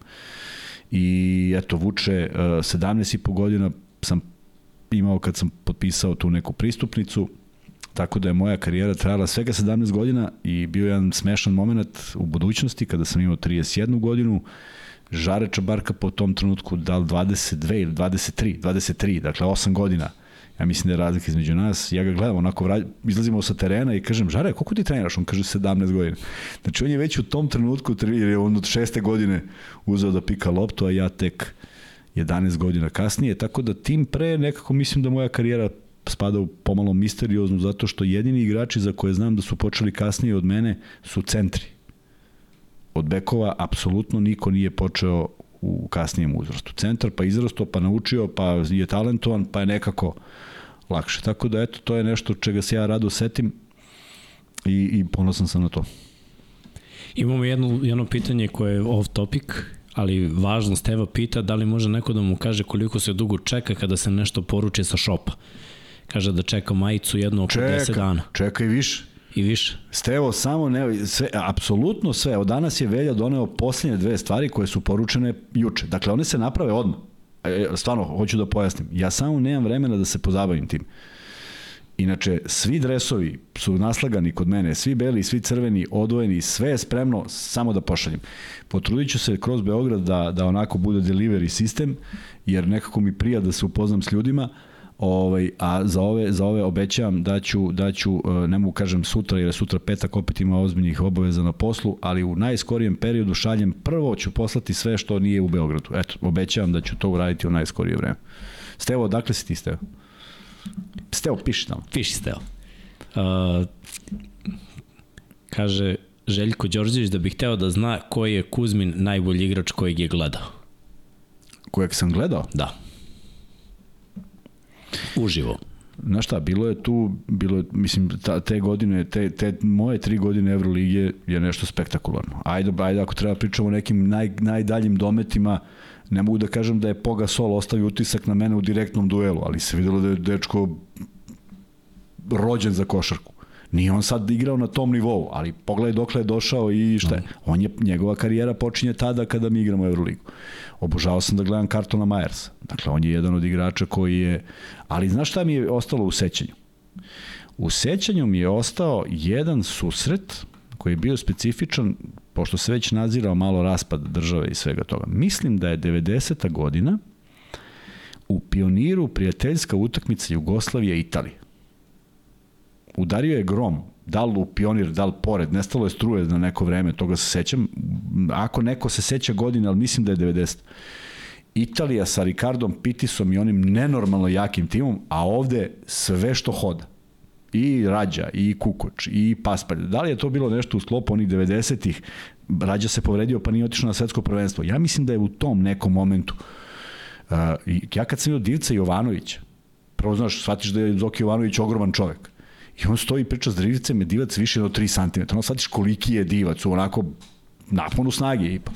Kukoča gledaš, a Ricardo Pitis isto izgledao kao Apolon. Dakle, i oni su imali strahovitu ekipu. I to je možda jedna od najluđih, najjačih utakmica po imence, jer ta jugoslovenska reprezentacija je bila Dream Team. Dream Team, da, apsolutno. Tako da, eto, to su, to su ljudi koje sam imao prilike da gledam.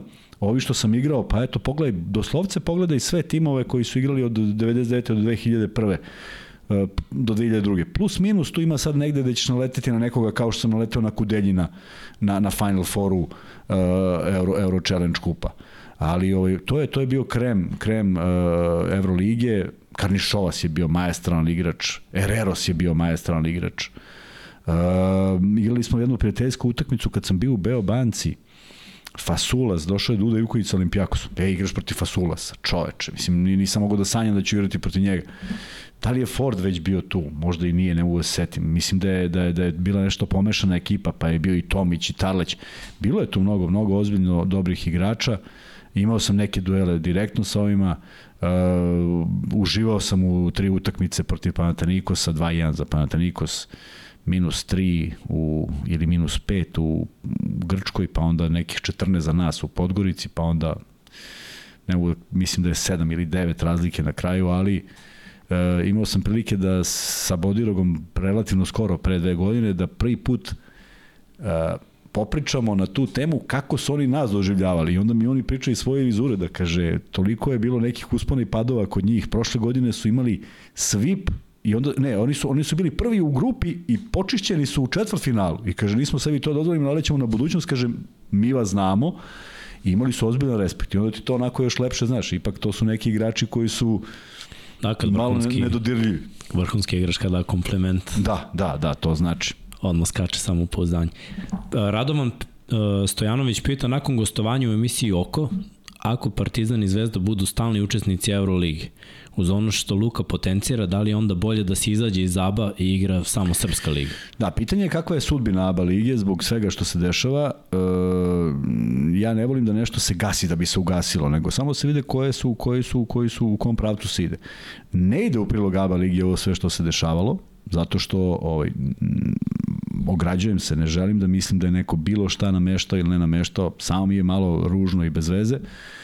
I onda shvatiš da je tu bilo da je tu bilo e, baš utakmica, baš utakmica MZT-a protiv dva hrvatska kluba, a, a Hrvati e, e, godinama žele da izađu iz ABA lige, mm, nezadovoljni svojim statusom, ja sad ne razumem, potpuno razumem sa aspekta kako se finansira klub u Hrvatskoj, da nije isto kao kako se finansira klub u Srbiji, ali to je neka realnost, to je tako. Može na argumentima da se, da se priča i da se kaže, e, ajde da pravimo ABA ligu, ali da je salary cap XY miliona. Pa ti napravi ekipu za 3 miliona, toliko imaš prava, a ovo što igraš Euroligu, koristi ih za Euroligu.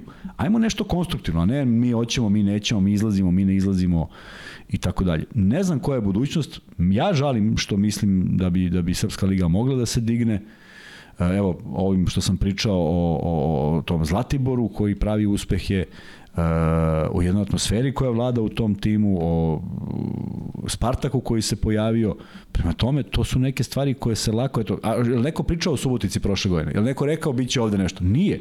Znači, da se to malo pogurati, naravno da su financije nešto najbitnije, ali ako gledamo utakmice, kvalitet utakmica, ove godine u ABA ligi ne vidim da bi tu baš bilo mnogo problema i da, da mogu da gledam i utakmicu između Spartaka koji bi naravno samim tim što igra i drugu, više nivo takmičenja imao još kvalitetnije igrače. Koliko kvalitetnije ne znam, ali sigurno bi bili jači tim od ovog sada. Prema tome ja bih uživao u tome da gledam i da se vratimo u te dvorane i ja bih rekao Luki idemo i mi da onda snijamo tamo iz onih dvorana.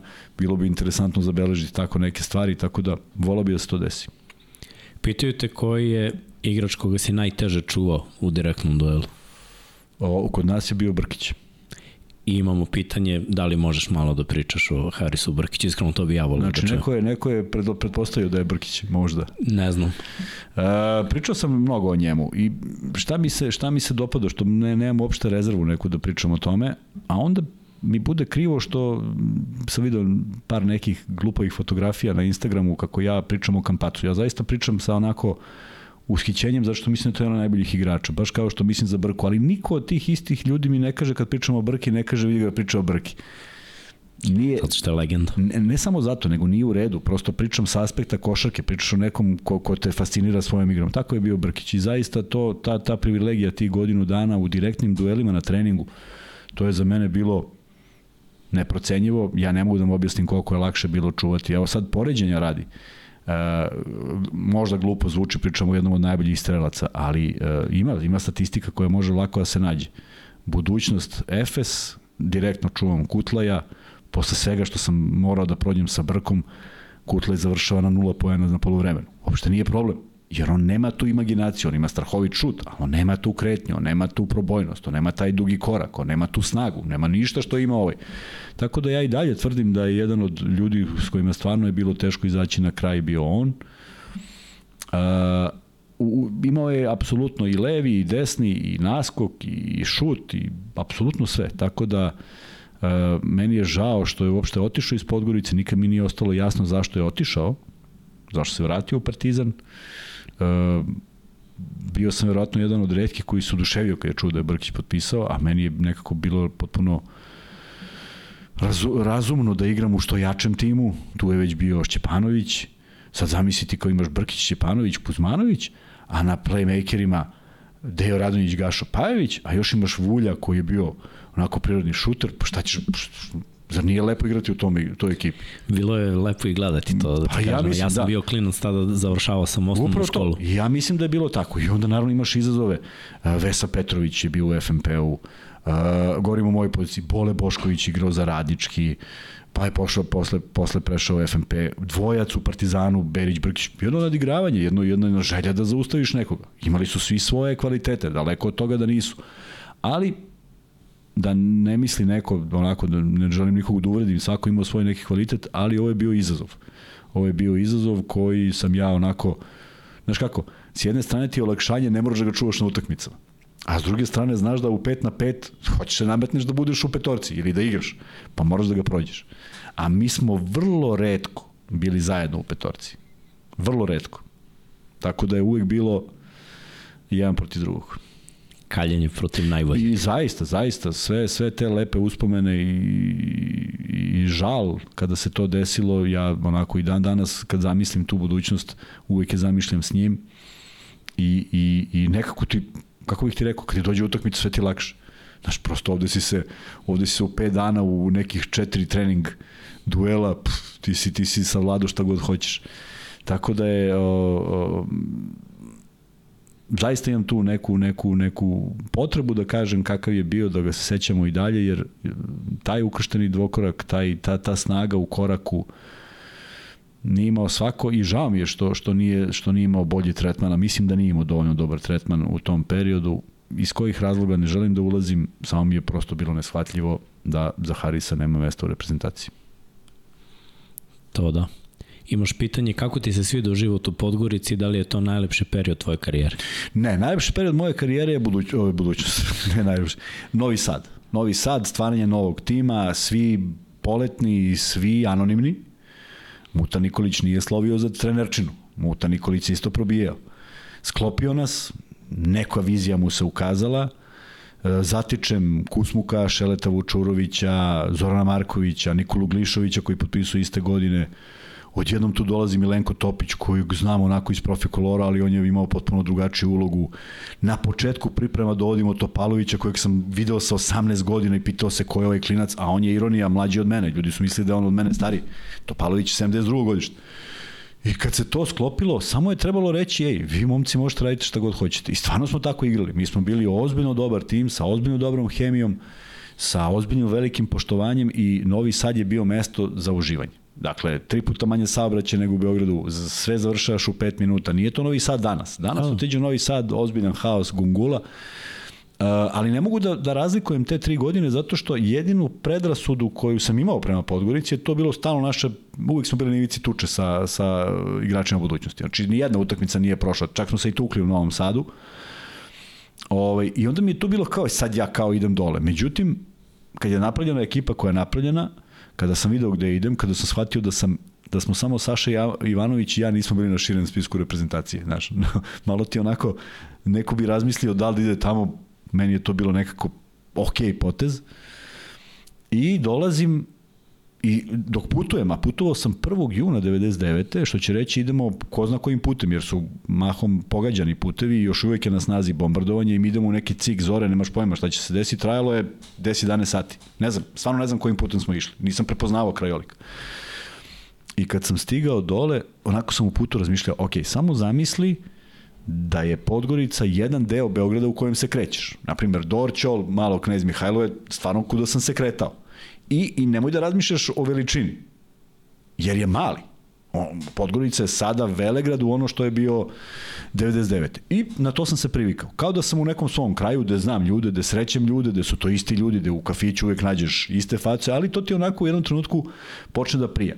Šta je dobra stvar u Podgorici? U Podgorici je dobra stvar ako nisi neki mangup, ako nisi neki drkađija, ako nisi neko ko parkira na pešačkom, ako nisi neko ko se penje na trotoar, ako nisi neko ko pravi bilo kakvo sranje, nemaš nikakav problem. Još ako dobro igraš, a mene su volili zbog onog što sam davao na terenu, kako bih ti rekao, ja dan danas kada idem u Podgoricu, ja mogu da nađem ljude koji se sećaju tog vremena i da, da, da, da, da, da uživam u tim pričama, zato što mislim da smo obeležili jednu ozbiljno dobru epohu i ne želim da zvučim neskromno, ali mislim da je to jedan od najjačih timova napravljen s obzirom da pričamo o samo domaćim igračima, jedno, jedno vreme koje više ne postoji, od jugoplastike. Ako neko ima neki drugi primer, nek me razuveri, nemam ništa protiv, ali mislim da je ta budućnost bila, sad ne bi mogao, da, možda, možda čak ona budućnost 2000. godine, jer na tu postojeću odlaze, odlazi mm, Vlado Šipanović i odlazi Bulatović i Saša Ivanović. A na početku sezona odlazi Brkić, ali dolaze Rakočević, Milojević, Čabarkapa i Pavlović. Pazi kako se nameštaš, odmah ide pitanje. Ime prezime kaže, kakav je utisak bio kad si se prvi put susreo sa Igorom Rakočević? U Zvezdi? A tad je bio prvi put. A da, da, da, da, u Zvezdi, u Zvezdi je bio. Ne, ne, Igor ja smo se znali, ali bili smo na ratnoj nozi. Aha.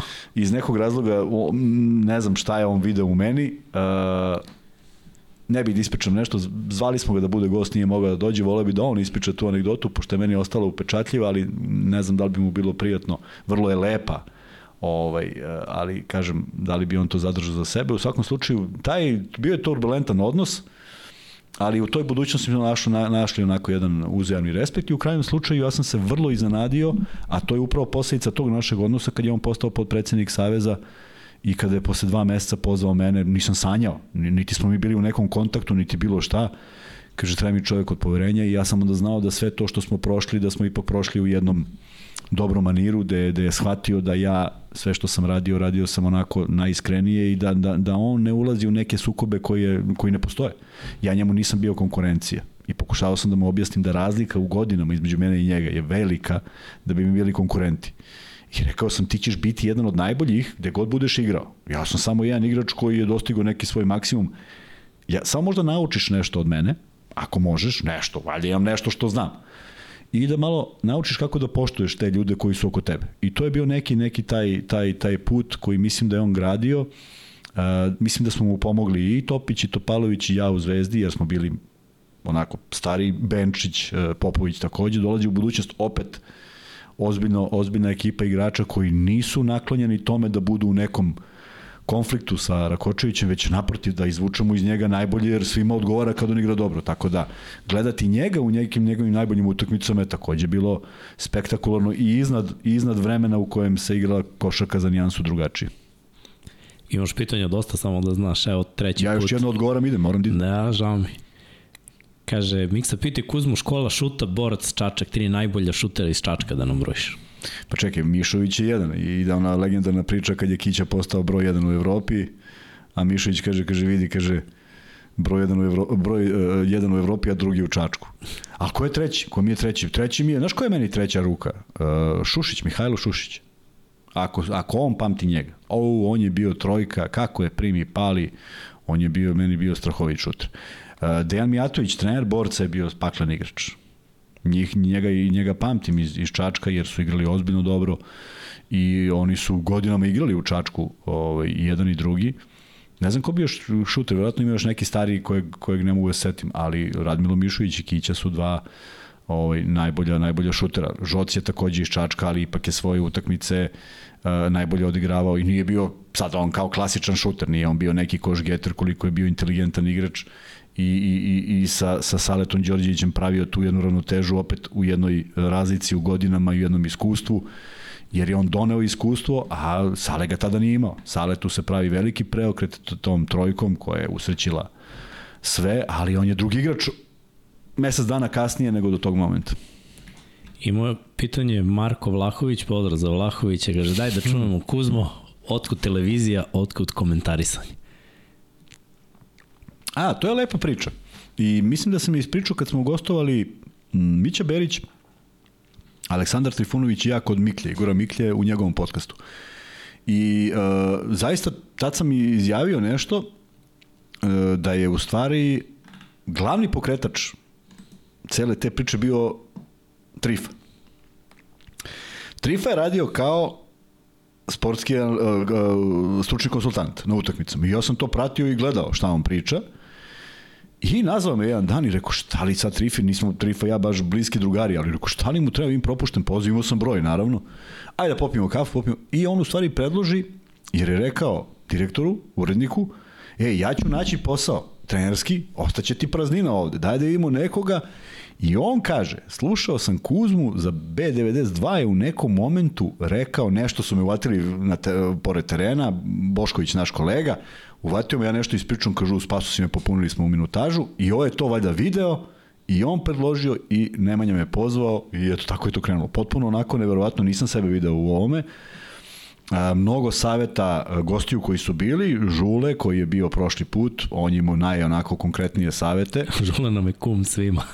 imao je najkonkretnije savete, nemoj, nemoj prvo ovo nego ovo, ti kao misliš ma ja znam, onda shvatiš koliko je to lakše, ali sam naletao na čoveka u dabingu Paja. Paja. Paja koji je apsolutni majstor i ovaj, toliko smo se e, zbližili, ja sam pravio sve one klipove koji su išli minut i po dva dužine, ja prosto kad uđem u studio Paja se ozari jer, jer, jer kreće, kreće zabava i onda sečemo i pravimo tekst po tome, u stvari napišem prvo tekst pa onda sečemo snimke. To je onako bilo jedno zadovoljstvo od nekih 45 minuta sa prvih snimaka do 10 do 12 minuta na kraju. Znači, toliko smo ubrzali proces da je to bilo savršeno. Ja uđem u kabinu, pročitam, on i seče, ma milina. Tako da, stvarno je to bio jedan period gde, gde je baš bilo zabavno. Uh, I onda mi se sve nekako dopalo, a valjda ste primetili da mogu da pričam bez prestanka, tako da m, jedina stvar koju ja nikada nisam primećivao su bile kamere.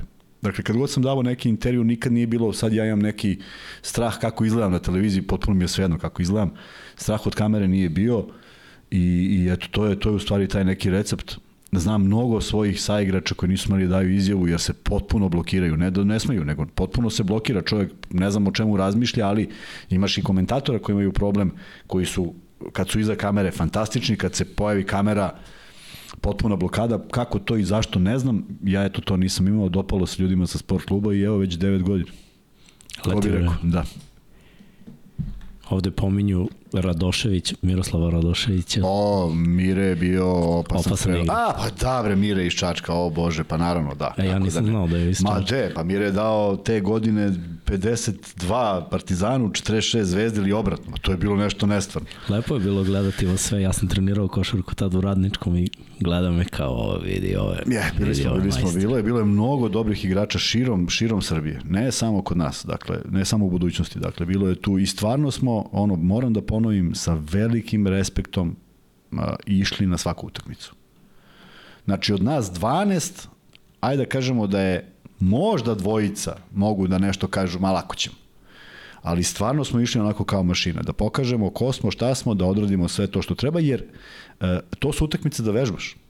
Ti igraš Euroligu kad dođe taj koji sve zna, pa ne možeš pored njega da vežbaš. Mora da vežbaš ovde da vidiš koliko možeš da stigneš, koliko kasniš, koliko nešto funkcioniše. Imao sam stvarno tu veliku čast i privilegiju da igram sa vanserijskim igračima, od Beočina, preko Zvezde, preko Beobanke, da su i školovani igrači bili, do budućnosti da su bili manje više svi reprezentativci, tako da to je jedan kvalitet gde ti rasteš. Hteo, ne hteo. Ti rasteš jer prosto da bi igrao moraš da uradiš nešto što se od tebe traži. Darko Rusu je bio izuzetan trener, Muta Nikolić u svoje vreme, izuzetan trener, Boša Tanjević je doneo nešto novo, meni je žao što je došao na pola sezone pa se nismo poznavali, pa je faktički upoznavanje trajalo dok, pa je on već otišao. Tako da su to onako bili momenti kada Dudaju koji ćemo sam 7 dana, 5 dana kod njega. Ja nikad neću zaboraviti i to sam dao u jednom u intervju na N1, ja mislim da je bilo e, kada je Duda preminuo, pa su pitali uticaj i sad lako je da pričaš o uticaju na e, Dude na reprezentativca. Bili su godinama zajedno, ali ja nisam bio reprezentativac i kaže kakav je uticaj, kakav je utisak i uticaj ostavio na mene, ja neću nikad zaboraviti trening OKK Beograda, dolazi Duda da nam malo pomogne, mi smo nešto u krizi, neka pauza je bila, on u trenerci sad on malo nadzire trening i ovaj, ja u odbrani skočim, skinem loptu i kako sam potrčao, ostane čovjek moj iza mene. I ja, pa, jedan korak, drugi, vidim nikome ne napada, a sad valjda, pošto je Dudo tu, svi stisli svoje, znaš, samo se pravi onako rup. Ja tap, tap, ali ne jurim, nego shvatam da mi se otvara prostor do koša. Ja, ne, za, ne zato što sam ja teo to, nego zato što prosto ništa pametnije nije bilo, prosto otvorio mi se prostor, tapa, tapa, tapa, tapa, lagano položim. I sad kako sam položio, kao da si uradio neku veliku stvar, malo se naduvam, znaš, da trčim pored ude, a on kaže, Kuzmanoviću, prvo je rekao Kuzmanović, ja sam ne svestio, otkud, nisam sanjao da, da mi zna prezime, ej, to je 91. to je 92. godina, dakle, ja sam tek u, možda trećem. Kuzmanoviću, pa nećeš da budeš takav igrač, trčiš od koša do koša da položiš, to je bilo zabranjeno u to vreme to kad uradiš, pa samo te isprovedu na klupu, jer nije bila takva košarka. Te, to mora pas, uvek je bila filozofija. Pas je brži od, lopt, od, od, od, od trčanja, ide prvo lopta. Tako da to ne daj Bože da si uradio, letiš napolje. Sad je to sve se promenilo i gleda se drugačije, ali jao, ja potonuo, ej, znam sad šta sam uradio, a pritom nisam imao bolji izbor. Ne znam šta bi mogao da uradim, jer sačekam ovog mog da dođe pa da stane ispred mene. I to mi je ostalo u sećanju i ja mislim da nikada nisam se zatrčao od koša do koša. Ne mogu da garantujem, Možda se desio takav neki splet okolnosti da baš bude takva rupa otvorena, ali mislim da nikada nisam uzeo loptu iz svog reketa i otrčao do koša. Jer je bilo toliko lepših, jednostavnijih načina da završiš. Prvo, sa igrače s kojima igraš. Topić. Kako god da trči, on te gleda.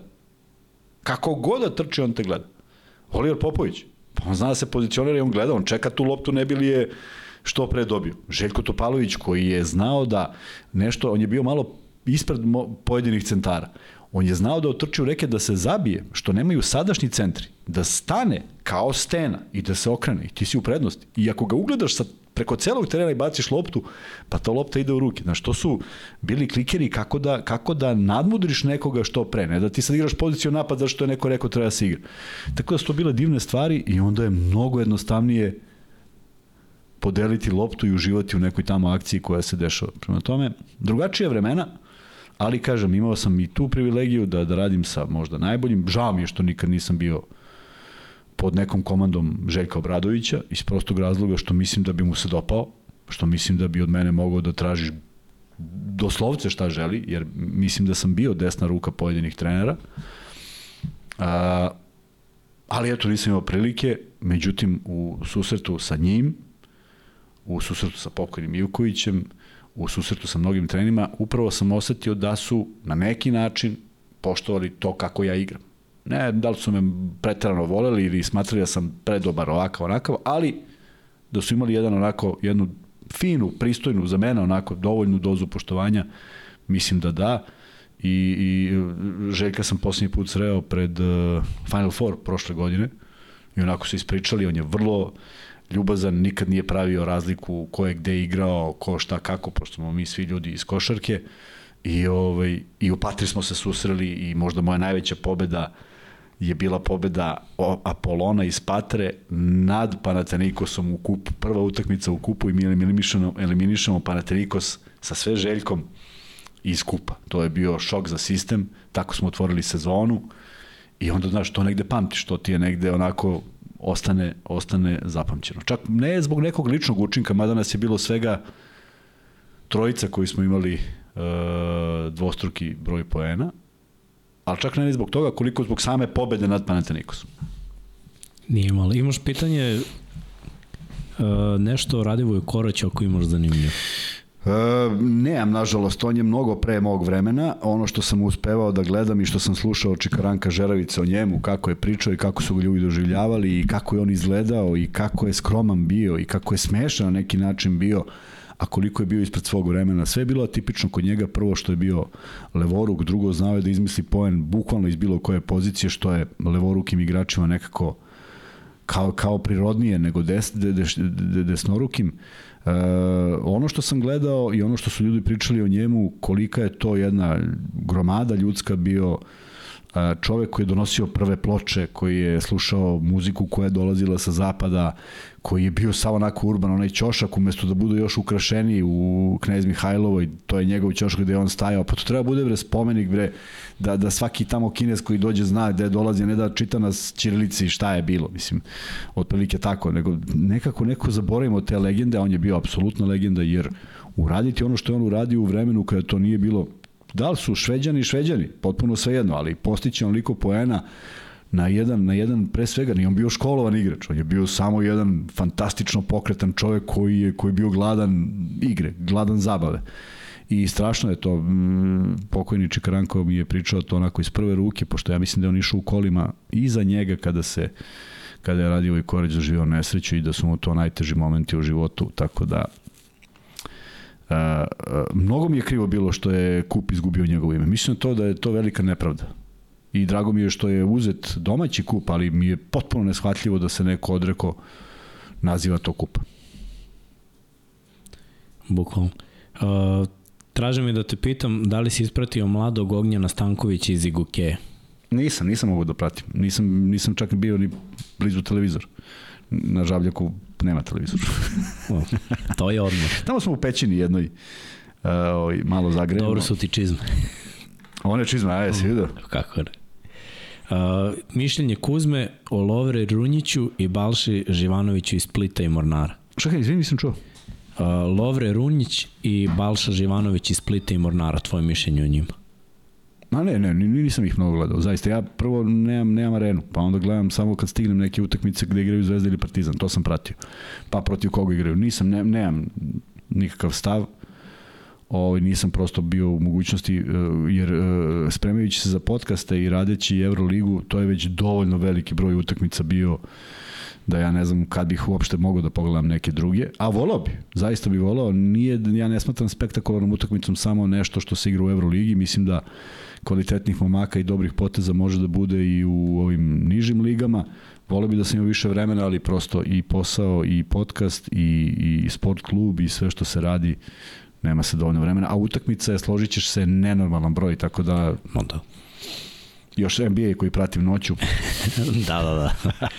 Ubi se Kuzma, ne spava uopšte. Da imamo, smo mi ispucali jedan free bet, sad imamo drugi, ja? Pa trebalo bi drugi. Ajde, puce.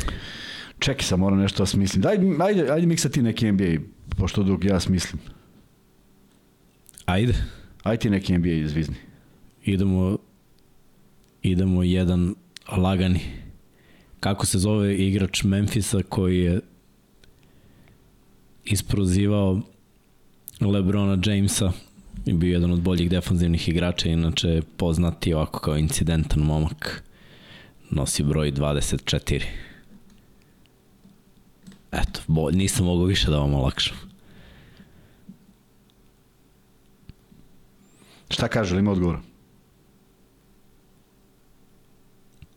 Leo Armando prvi odgovara. Leo Armando, Leo, Leo Armando, Armando sve znaš. Dobro. A koji je ovaj? A, evo, pa je, da, Ivan Pejić kaže, pa jeste, Radošević iz Užica, on je igrao za Čačak, ali iz Užica. Iz Užica. Tako o, je, pa da, tačno. Nisam, nisam znao. Bravo Ivane, jeste, pa ja zato se i nisam setio, ali vidiš, onda razmišljam igrao za Čačak. Da, evo šta kaže, a evo šta kaže Dejan Andrić koji šalje izveštaj, kaže na Euroliginom sastanku ni reči o Partizanu zvezdi, razmišlja se o tome da Alba i Dubai dobiju A licence. Eto, to su neki, neke informacije koje su prošle. Baš kao i Virtus i Valencija, nismo doneli nikakvu odluku. Biće 18 timova i naredne sezone, a od, 2020, od 24. do 25. će broj narasti na 20. Tako da, eto, to su sad sve neke oprečne informacije. Ja se nadam da nećemo pogrešiti ako kažemo da će da bi mi bilo potpuno neverovatno da Zvezda i Partizan ne igraju Ajde da budem, da budem korektni, Partizan i Zvezda, Partizan zbog uspeha koje je napravio, Zvezda zbog ipak rekordnog broja pobeda, a zajedno čine 37 pobeda, što je više od bilo koje druge zemlje koje ima dve ekipe. Pa da budemo realni, evo ja mogu a, da naravno, kažem kao neko ko komentariš Eurocup i Euroligu, doduš ove, ove slabije ekipe. Ali naši timovi, tako, naši timovi tako. zaslužuju ovo. Apsolutno, slažem se. Koliko puta sam radio i šta sam radio, mislim, to deluje deset puta gore od naših timova. Upravo to i mislim da, da, da, da sav ambijent koji se stvorio i atmosfera koja se stvorila i broj navijača koji je gledao Partizan i broj navijača koji je znatno manji naravno, ali Zvezda igra u manjoj dvorani, ali koliko je i Zvezdu gledalo atmosfera, da to, sve. Tako je. Koreografija, atmosfera. Ti si tamo uživo, ti to osetiš iz upravo prve to, ruke. Upravo to, i da ti kažem nešto što, što, mi, što mi ove godine valja, valja i zbog broja pobeda mnogo manje incidenata onih tipa upadanja, zaista sporadično. Zaista sporadično, u nekom momentu je bilo ono, znaš, svaka utakmica pa pljušti kazna.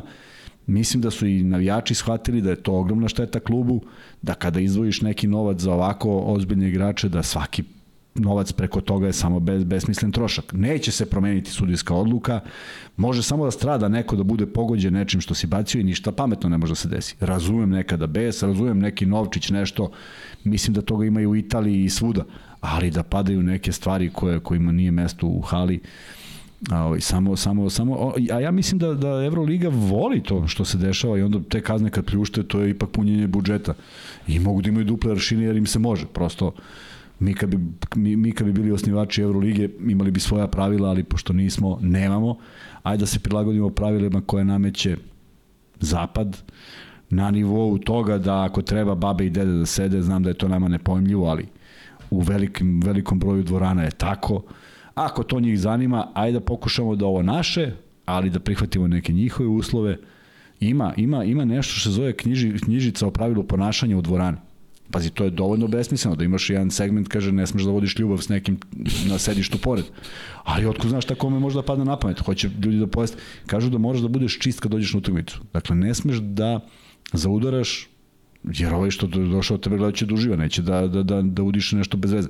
Znam da to sve zvuči smešno, ali ima, ima, ima, ima smisla ako prihvatiš pravila igre koja si prihvatio igranjem, onda prihvati i ta pravila i ponašaj se u skladu s tim.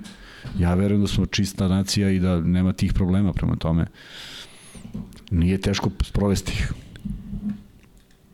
Kaže, Kuzmo, da li si zahvatio Darka Miličića u hemoformu ili si tada već jesam, bio u Belgiji? Jesam, jesam, da.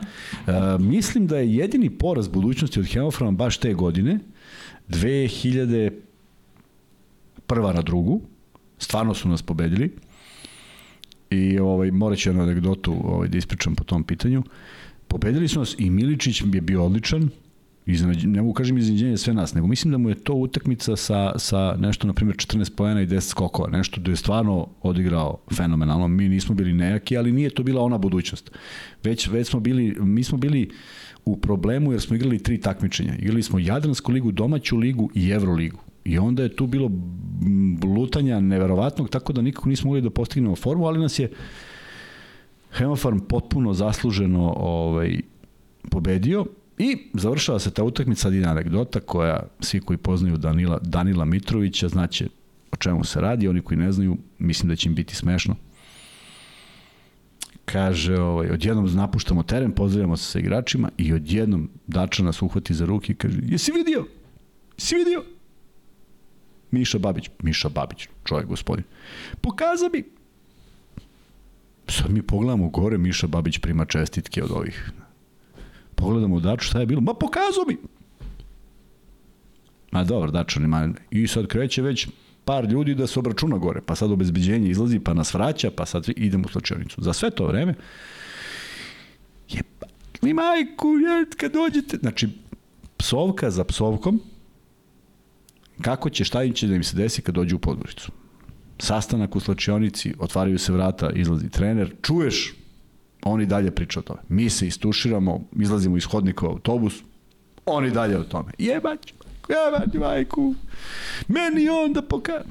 Traje, traje, traje. Nađe telefon crkote, uh, sekretara kluba. Daj mi, nađi mi telefon Miša Babića. Ovaj čovjek, da li mu da, da li šta, nemam pojma. Šta je uradio? Šta, šta je uradio? Pa jebać. I dalje, To je 40 minuta. Ulazimo u autobus, autobus trešti.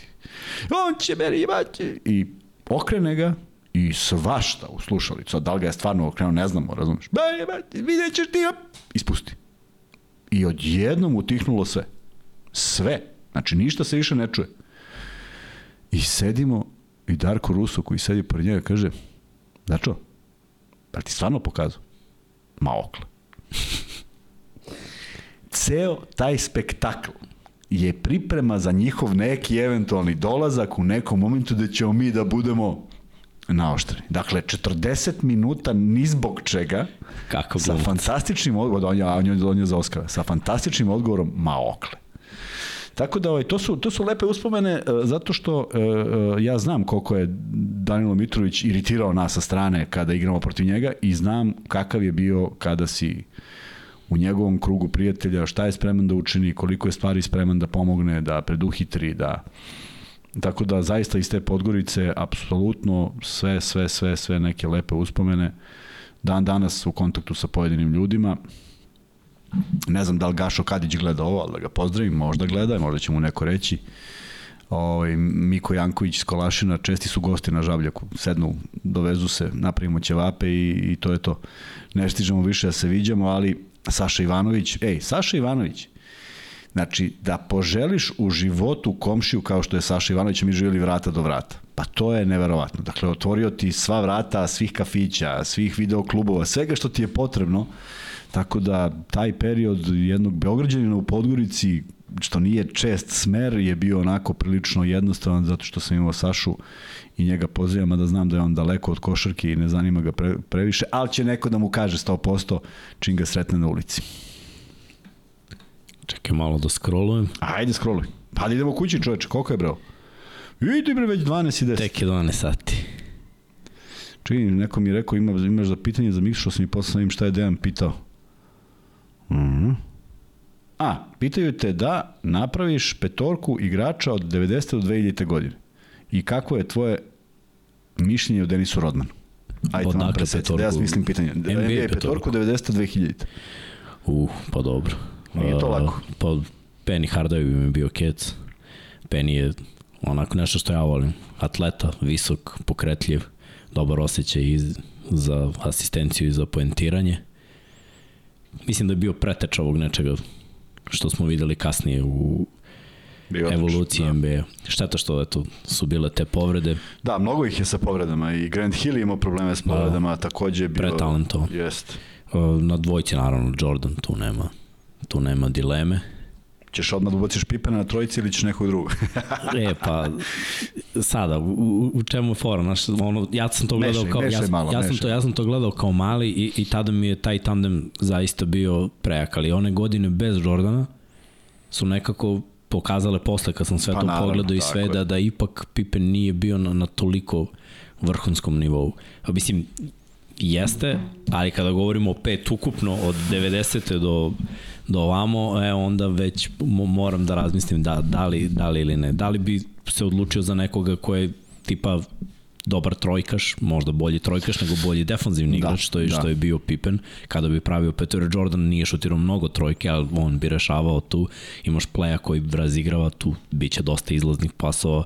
Pa, mo, možda ređi, Mislim da, da, mislim da kupazi koga koja ludilo, ali dobro, ja A sad zamisli pravim šta imaš u Detroitu svega. U Detroitu imam svega, da li onda bi morao Izeu da stavim na keca, Da. onda bi Penija morao Ne, na... ne, ja mislim da je teško uopšte napraviti tako teško. nešto. Jako teško za taj period, jer tu su svi Hall of Fameri. To, ja ne To su znam, sve to, Hall je, to je prosto neverovatno šta je tu iz, i, e, NBA iznedrio fantastičnih igrača. Pazi, petica bi mi sigurno bio Hakim, jer ono je ne, meni... bio, on je bio doktor, tako je. Ono je bilo doktorski. Jeste. Samo posle njega jedan quad triple double i to je bio David Robinson koji se isto pojavio Jeste, 90-ih, ali jeste. sa totalno neku drugom Jeste, igrom. da, drugačije je bio, ali ovo je bio ubica u napadu. Ovo je sve radio. E sada četvorka, tu treba dobro razmisliti da li je evolucija ova kad su četvorke krenule da šutiraju s Ili, polja i ili, više. ili Charlesa Barkleya da staviš na Tako četiri. je, koji je skakao, koji je radio sve, ili tipa Melona koji je imao post-up igru Da, i taj pick da, and da, Zamisli da. pick and roll sa Penny Hardawayom i, i, i sa... Da li vidi, no, oni su se tako našli, oni Stockton, da je one, one lopte stvarno su imale oči. To je prosto, on baci na pamet, to je se zabode, to je, bio, to je bilo savršenstvo. Sve ide I prosto je neverovatno da oni samo zbog Čikaga ne osvojiše ni jednu titulu. I ta završnica utakmice, seti se, on prima loptu za nešto sigurno i Jordan se prikrada iza leđa i uzima loptu Da. za onu, za onu Kako mu je čuvenu. izbio tu loptu. Neverovatno. I da. posle toga ono, prednja promena i. Neverovatno. I doviđenja. I, i ostao je da visi. Da, da.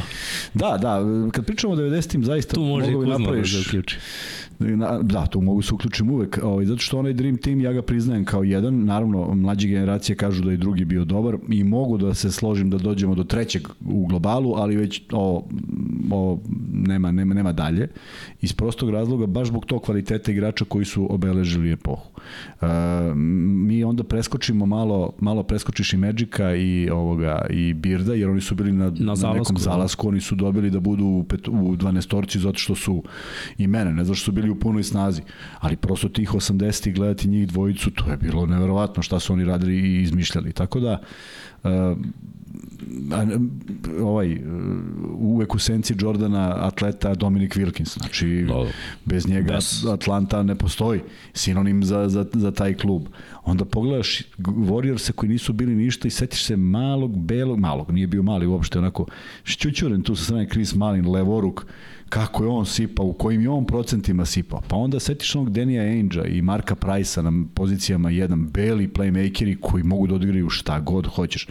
Mark Price u krajnjem slučaju tih 9 sa 50, 40, 50, 90 procentom. Mislim, to su neke neverovatne stvari i ovaj i stvarno je ta NBA liga imala imala o, mislim da imala posebniju draž. I ono što se nikad nije radilo, nikad se nisu dovodili igrači e, kvali, e, ultra kvalitetni igrači. E, Svi kažu Pippen je blago blago Jordanu, došao mu je Pippen. Ako neko ima snimke iz 86. ili 7.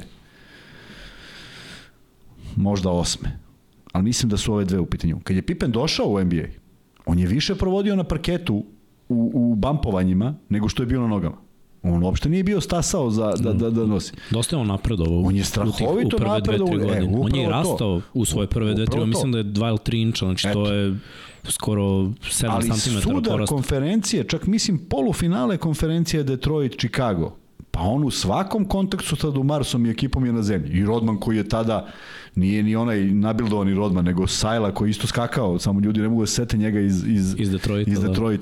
Bill Lambir koji je tuko sve oko sebe, apsolutno sve. Onaj Sejli je bio, Sejkali, kako se zvao onaj drugi, Belac, Joe Dumars, Isaiah Thomas, mislim, prosto plejada Hall of Famera, koji su dve godine za redom bili prvi, je li tako? Da, i šta misliš o tome, eto da, da, da pitam tebe, jer da, li- pošto Isaiah je jedini koji nije bio u tom Dream Teamu, a bukvalno su svi kao smatrali da je trebalo da bude. Da. Da li, da li možda više zbog tog što su oni otišli bez pozdrava u, t- nakon utakmice kad su izgubili seriju od Bullsa kasnije, kad Da. su Bullsi osvojili i što je bio uvek taj neki moment između njega i Jordana u, u taj neki kao bif, neka zavada, ne znam kako bi to nazvao, Pa znaš šta, ja sam na strani Jordana naravno, Pa, ali smatram smo. da je Isaiah ono što je radio, da je to bilo van Isaiah je baš brutalan playmaker. Uh, sedma ili sedma utakmica, ja mislim, protiv Lakersa, kada on igra na jednoj nozi jer je povređen, malo skakuće, malo se, to je, to je čudo šta je on radio. Ali uh, ostaje, o, kod njega je vidljiv jedan, jedan, jedna doza besa. Ne možeš 40 narednih godina da tvrdiš da su i onda navedeš tri igrača ispred Jordana, prosto ne ide. Ono, Ne ide, jer ispadneš glup, ništa drugo. sujet. Pa da, ali, ali, ali sad, znaš, ajde razumem da si tada nešto odbacivo, ali sada, kako bih rekao, mislim, i onda, i onda ajde staviš sad nekog, ja ne bi imao ništa protiv da on kaže, za mene je Kobe Bryant ispred Jordan. Pa okej, okay, možemo da diskutujemo o tome, maestralan igrač. Ali on stvarno stavi neke igrače koji nisu bili u, u 10, ne ispred Jordan. I onda ostaje to, ima, sad ne znam kad se to desio snimak, pa su ga sinhronizovali. Jesi gledao možda to? Da, kad zagrli Isaiah Magica, pa kao, jeli, sećano kad sam ja trebao da budem... pa onda se okreće, kaže Magic Michael, kao je, znaš šta me pita, što nije bio u timu? Mislim, napravljena je sprdačina iz nečega što očigledno i dalje... pa da, pa i ovo što je Jordan imao svoj dokumentarac I, I tu je pokrenuta ta tema gde Jest. je on pričao o tome da Jest. nije imao, niti je uticao na trenera da ga ne pozove i sve, ali ta hemija koja je napravljena u ekipi je ja već mislim bila... da nije, ne, mislim da mu ne bi smetalo, mislim da je on takav mozak da, da, bi, da bi mu bilo sve jedno. Prosto ne bi mogao da zamislim da on sad kaže e, ja hoću da ovaj ne ide. No. Jer ako je Jackson ono što je rekao i ako su svi iz Kraus, Jerry Kraus rekao da se ovaj nikad nije mešao u dovođenje ekipe, pa valjda bi u svom timu pravio šta god hoće. Ako je baš izabrao Luka Longlija, neki ide život, znaš, kao je, da. bez njega neću da igram. Ne ide, znaš, ne ide, ne ide jedno s drugim, ali da, postojala je neki, neki taj, neki taj ovaj, uh, rivalitet, E, I ne mogu da prihvatim činjenicu da ekipa koju jako cenim zato što taj ono Jordan kako se zove zaustaviti Jordana ona doktrina to, to posebne glave rade uh, sa sve trenerom koji je bio fenomenalan, čak Daly beše trener, ili tako? Uh, ne mogu da prihvatim činjenicu da su otišli bez pozdrava. To je za mene potpuno kao, ja nikad nisam napustio. Pre toga ne, ne Boston, Celticsi su otišli njima bez pozdrava. Ma nevažno, nema, ovo sad više nema sa Chicagom nikakve veze. I strašno me, mene, mene onako rasturi me, pa rasturi. Smeta mi što je takva jedna ekipa to uradila. A čak Prosto mislim da, mogli da, da, podnesu poraz. Da je Izea rekao da je dalje valjda Dumars prvi predložio kao je kao što su se nama okrenuli ovi iz pa Bostona pa, znam, i nisu otišli, to... tako ćemo i mi. Pa okej, okay, ali to ne veze sa Chicago. Mislim, gubio si u karijeri, mislim... Ima, e, izgubiš, na, ima, ima, izgubiš ima. i Jadranko bolite, Nikolić, ideš i pozdraviš. E, Jadranko Nikolić Loki, kondicioner u budućnosti tada, inače kondicioner i boksera i dalje radi kao kondicioner, ludak onako u pozitivnom smislu. Gubimo, na primjer, neku utakmicu 20 razlike. I on ima ovako pravilo, kaže, ako sad dođu da nas pozdravi, imamo pravo da ih prebijemo. Kažem, Loki, zašto? Pa ne može, kaže, da vodi 20 i da on dođe da pruži ruku. Može, možemo samo mi da odemo, znaš, kao to sad neko ono, uh, viteštvo, znaš, ono. I stvarno, ovaj, uh, postojala je ta, ta, ta priča, ne mogu da nas biju i da vode mogu ili da vode, a mi da ih bijemo, uslovno rečeno, ili ne, može, ne možete neko prebije da, da vodi, a ti da sediš da gledaš. Taj, to nije karakter ekipe. I zato se ja divim uh, Detroitu, koji je igrao na ivici zdravog razuma nekada. Ti startovi na Jordana, ko hoće da pogleda, može da vidi da, da je to samo bilo... Na Jordana, generalno. ali on je bio glavna meta, petorice ako treba petorice. Tako da, i, i to je davalo neku draž i ovaj uspeo se iznese s tim i ti posle svega toga ne pružiš ruku uh, za mene potpuno neshvatljivo i poražavajuće. Malo, malo, malo su mi tu, ono, koliko sam ih voleo, bez obzira što mi Chicago naravno sa Jordanom najomiljeniji tim, ja sam ovo izuzetno poštovao i, ej, znao sam bre svih 12 igrača Lakersa kad su igrali u onom, u onom naletu sa sve Vortijem koji igrao sa, na, na North Carolina sa Jordanom, je li tako? E, to ne znam. Mislim da su ni dvojice igrali, pa on ti bio specifičan zbog naočara, pa je Džabar nosio naočar, pa AC Green koji nije mogao, nisi u njemu gledao nekog vanserijskog košarkaša, čovjek odrađivo fantastičan posao. Kurt Rambi, Simone, Woody Allen naočar, ja ne znam kako je uopšte igrao sa onim smešan ko đavo, ali sve smo ih znali, sve smo gutali to jer su to bile ekipe koje su pobeđivali. No i bila je košarka drugačija. Da, ja volim te, mislim, bio sam dete kad su bila 90. tako da to sam gledao, sve albume za sličice sam da. imao, I to je, skupljao, znao sve Pre, pre, pre je bilo manjak inform, informacija. Mi počinjemo 87. 8. Zoki Radović počinja prenosi nešto, neke utakmice, da li na studiju B, a on, pošto, se, pošto je uzimao te Sport Illustrated, pa je znao sve, imao je onako sve te informacije, on nam je donosio to i onda je počelo negde stiljivo 87. 8. da se puštaju samo finala, pa smo imali prilike da gledamo uh, Lakers i Boston e onda počinje da se uzima malo više, pa onda u nekim normalnim ili nenormalnim satima, pa čekaš, pa neko ukrade, pa svašta je bilo, ali, ali snalazili smo se i uživali. Pa ima, ima ona kaseta Come Fly With Me, pa to, to kad uzmeš i ubaciš, to je već 8 miliona ljudi gledalo. Ona kaseta se izlizala, samo, samo boja ovako ide. Ti nazireš ko je, a trebalo bi da bude Jordan. Ali to je bila kaseta koju ne znam ko u Beogradu nije gledao dokumentarac o njemu, onako iz najranijeg perioda, još dok smo mi bili klinci, tako da nije još nagoveštavalo nikakve tri pitove, a kamoli dva puta tri pita. Tako da, eto, to su lepa vremena iz NBA koje se, kojih se ja sećam i rado ih se sećam i znam da sam ovaj, skupljao ovaj, koš i lepio postere. Sve. Cela kuća mi je bila izlepljena. Zarazio sam sve članove porodice. Jel to je moralo se gleda. Da. Ali pazi, puštali smo, bio sam odličan džak i sve i kad ima da, noću... Da, pa hvala Bogu, šta da radiš? Gledaš, to je nagrada. Hoćemo da privodimo kraju. Uh, ili ima nekih pitanja, pa da urodimo i treći free bet? Ovde ima dosta komentara, sad su se svi navezali na ove petorke. A ako imaš neko, neku temu, 10 minuta prođemo i idemo. Već je pola 12. Ako nekog zanima nešto što još nismo pričali, A ja ću da pričam dok ne, ne leti neko Evo pitanje. imaš ko, tvoje mišljenje o zvezdinoj ekipi koja je ušla u top 8 pre par godina i ova sada da uporediš kao. Mm, ne mogu, znam da je bio Jović, znam da je to bila jedna pristojna ekipa, znam da uh, je drugačije vreme sa manjim brojem stranaca sigurno nego sada, znam da je drugačiji sistem takmičenja, dakle, jako je teško je porediti, zato što mislim da je onaj, uh, onaj sistem takmičenja bio, sad ću možda malo da zaberem grubu reč, ali humani. U smislu, kad kreneš da ispadaš i ne ide ti, ili se povredilo tri igrača, ne ideš sad u kupovinu novih igrača, nego prosto pomeriš sa sudbinom i imaš moment kad možeš da ispadneš. U smislu, ne nastavljaš dalje, nema te agonije. Ti, ja na primjer gledam Panathinaikos onih par godina unazad, ja mislim da kad bi oni mogli da izađu, da bi oni najradije izašli.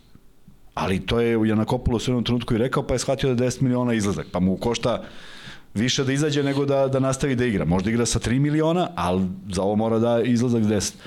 I to je bio neki na neki način spas, pa se okreneš nekim drugim stvarima u sezoni ovako, kako bih rekao, pokušala je, ja, ja se slažem s tim da svaka utakmica važna, ali ovo je veštački napravljeno slogan ove godine Every Game Matters, kao, u, baš je važno. Znaš, baš, sam, baš mi je delovalo da im je svaka važna, naročito kad se ušlo u ovo gde se raspolutila liga na 10 koji konkurišu i 8 koji da. više nemaju šanse. Tako da nisam uživao u svemu tome, a razlog je što, što, što, što bi bilo lepo da postoje još ta neka dva mesta ili nešto što bi bilo zamišljeno kao neki mini taj play out, pa neko tu nešto da, da odigra, pa da imaš, ili eventualno da postoji taj neki koji ispada. Pa šta ako ima licencu, ako je najgori, što, što bi opstao? Tako da taj nedostatak malo sportskog motiva da bi onda bila prolaznost lakša i veća, možda bi nekog nateralo da, da, da uloži pa da ima razloga. Ovako, Ajde vidjet ćemo, da vidimo šta čekamo. Ta, to je ta sad bitna sezona, 24-25. Mislim da promene koje se naprave za tu sezonu, da će oni biti onako dugo, dugoročnije. Ne znam koliko, koliko sam blizak ideji, potpuno razumem ideju zašto bi... Imaš pitanje za to, kao za istog zapad u podelu? Ja, ja, ja sam za to, ja sam za to i bio sam za to kad je počeo COVID. Dakle, ona sezona kada je kada je neka koja je prekinuta, jer je to bio šok za, za ceo svet, nego kada je nastavljena, mislio sam da će Euroliga da svede to na 2 puta 8 ili eventualno na 2 puta 10, da proširi ad hoc i da doda. Uh, gledao sam timove, mislim da je potpuno podjednako kvaliteta, dakle, u tom trenutku, a sada još kvalitetnije, ako uzmemo dva iz Srbije, ako uzmemo dva iz Rusije, to je četiri, dva iz Turske, to je šest, jedan je dominantan iz Grčke, ali bilo bi dva iz Grčke. Makabi, sad već pričamo o sigurno bar od ovih osam je bar četiri u top, u top osam. To, to, to sigurno. Tako da mislim da bi to bio dobar potez. E, problem je broj utakmica koje ne žele da smanje i onda se otišlo na predlog koji smo mi spomenuli prošli put, ali smo potpuno indijanski ovaj, promašili jednu činjenicu da mi je neko napisao, potpuno čovjek u pravu, pričali smo o 2 puta 12, o činjenici da će biti dvokružni sistem, to je 22 kola, a onda smo rekli još 11 utakmica. Ne još 11, još 12, jer igra svako sa ovih 12. Nije, da. Dakle, 34 utakmice se ponovo postiže i nekako je to prava mera. Ali onda je zaista pitanje, jer to bi se onda definitivno zatvorio krug. E, koliko sam ja razumeo, FIBA bi se malo udružila sad sa ostatkom, napravili bi to drugo takmičenje iz kojeg bi prvak ulazio. E sad, kako bi išao prvak? Da li ako je na istoku umesto ovoga ili da li ako je na zapadu umesto zapada, ne znam. Ali mislim da je bila dovoljno zatvorena da bi došlo u pitanje nacionalni šampionati. Ja znam da je u Španiji nacionalni šampionat vrlo važan, ali bi pitanje Jadranske lige možda bilo u da. nekom pitanje je kako drugi reaguju jer imaju svi probleme sa velikim brojem povreda, sa velikim brojem utakmica, da ima u kom pravcu bi se, ako bi se liga zatvorila. Ne znam, ne znam, ne volim da se zatvara nešto, zato što volim prohodnost, volim takmičarski moment, ali mislim da je ovo nenormalno iznurivanje tela. To da. Ja pričam o svojih 17 sezona, Branko Koliko si najviše igrao u jednoj Branko sezoni? Lazić. Pa igrali smo mi po 36-7 minuta, nije to sporno. Igrao sam u Beočinu i više ako treba. A koliko utakmica? Ali su utakmice bile 22 u prvenstvu, pa kad se doda neki nešto izmišljeno Superliga, pa neki play-off, nešto, dođeš do 40. Pa ako si igrao neki kup, kup nije bio baš preglomazan. Kup je bio grupa, pa ima šest utakmica, pa ideš u neku drugu grupu, pa možda još šest ili još osam, i onda si uglavnom ispadao u nekom prvom kolu. Dakle, 50 je bio a sad je 66 regularnih utakmica. Da, da. 23 u Jadranskoj pa ligi. na NBA više, na kraju. Pa kakvi bre? 23 u Jadran, da, 23 u Jadranskoj i 34 u Ovo i daje 57 već. Bez doigravanja, bez kup utakmice, bez prijateljske utakmice. Ovde smo mi ubacivali sve što je moglo da stane intenzitet nije jač, nije isti. Uh,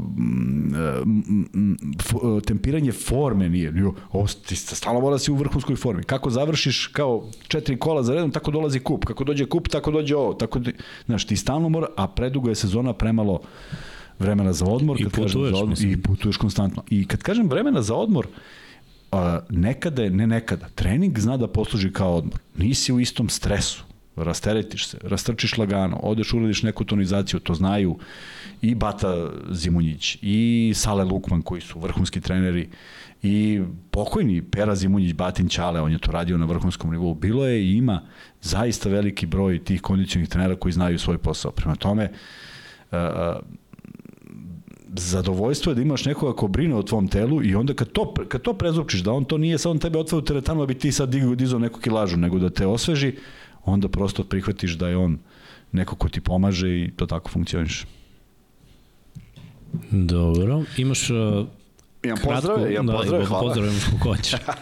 Evo, kaže, pitanje za Kuzmu, da li Partizan ima više šansi u prvoj ili drugoj utakmici prva, serije? Prva, prva, mislim da je prva, mislim da je ključna, tu mora bude iznenađenje, onako da se uradi možda i nekih par minijatura, da se nečim iznenadi, uh, radi se o kvalitetnoj e, ekipi, pročitao sam danas da je Kyle, Kyle, Kyle Heinz izjavio da tipuje na Real zbog dubine ekipe, zbog e, toga što se igra u pet utakmica, negde se slažem s njim, ali ako bi taj moment bio iznenađenje u toj prvoj, to je onda to je onda to, to je onda onda drugu možda da igraš potpuno rasterećeno jer jedna ideš po jednu. E,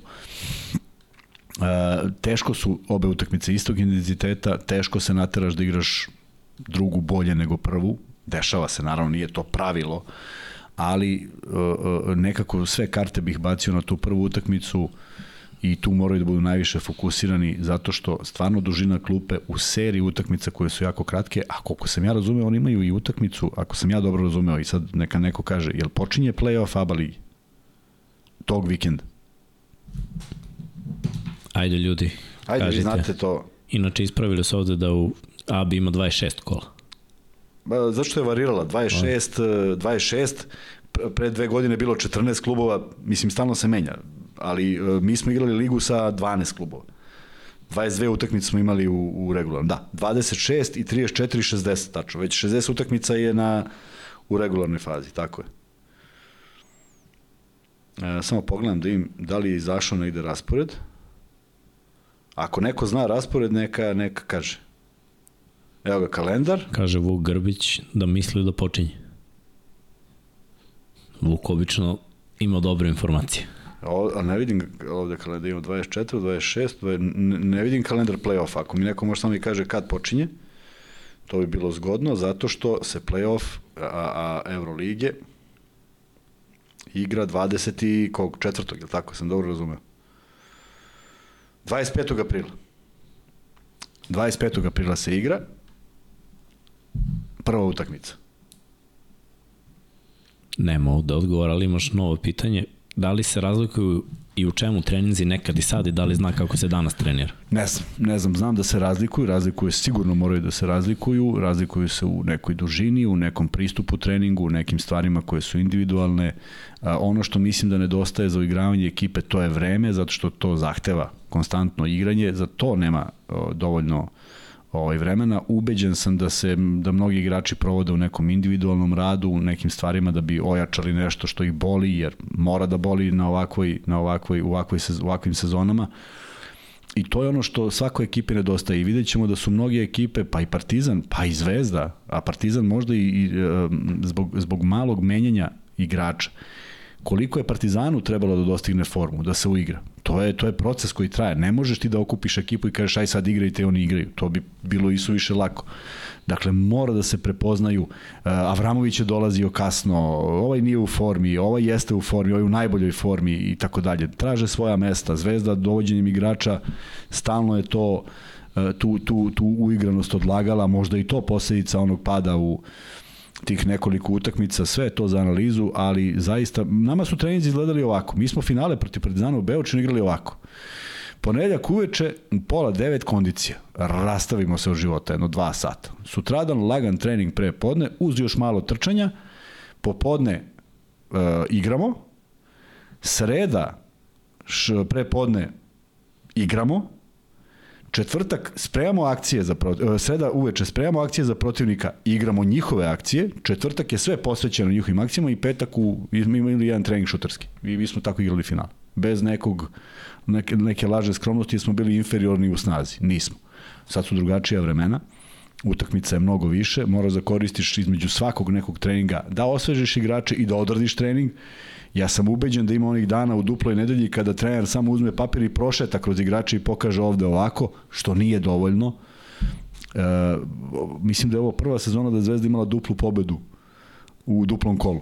Znaš, koliko je teško da imaš da to toliko da. godina ne možeš da ostvariš zato što prosto nemaš dovoljno vremena da se spremi. Da se spremi da scouting ne može da se uradi. I to nisu jedini. Bilo je veliki broj ekipa koji imaju 1-1, 1-1, jer ne možeš da uradiš scouting i pripremu za obe, obe ekipe. Naravno, ako je neko u povredama, pa ti bude lakše, pa ti se to posreće, ali ne, nikad ne možeš da računaš na dve utakmice. Tako da, na sreću ne znam kako se trenira, ne zavidim im uopšte, zato što mislim da ovo oduzima i ono malo slobodnog vremena koje mogu da imaju.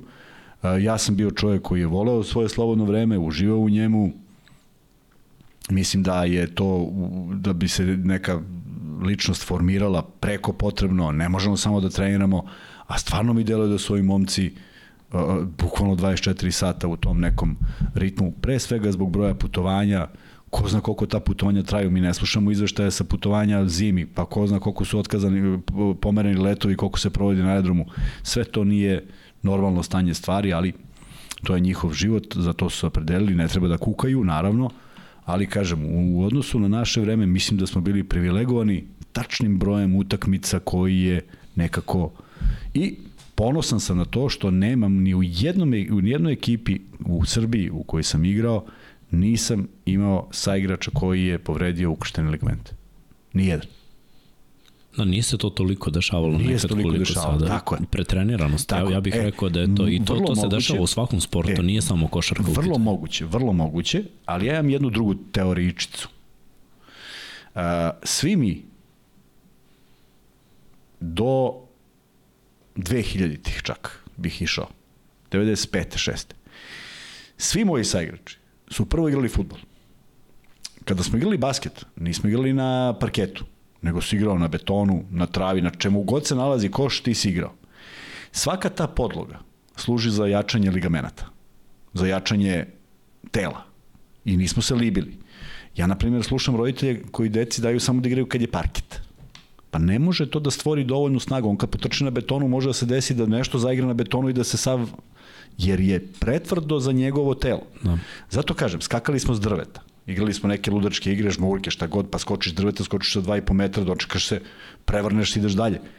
Uh, više je bilo takvog igranja više mnogo nego danas. Više je bilo takvog igranja koje je vezivalo ligamente, kosti i sve to.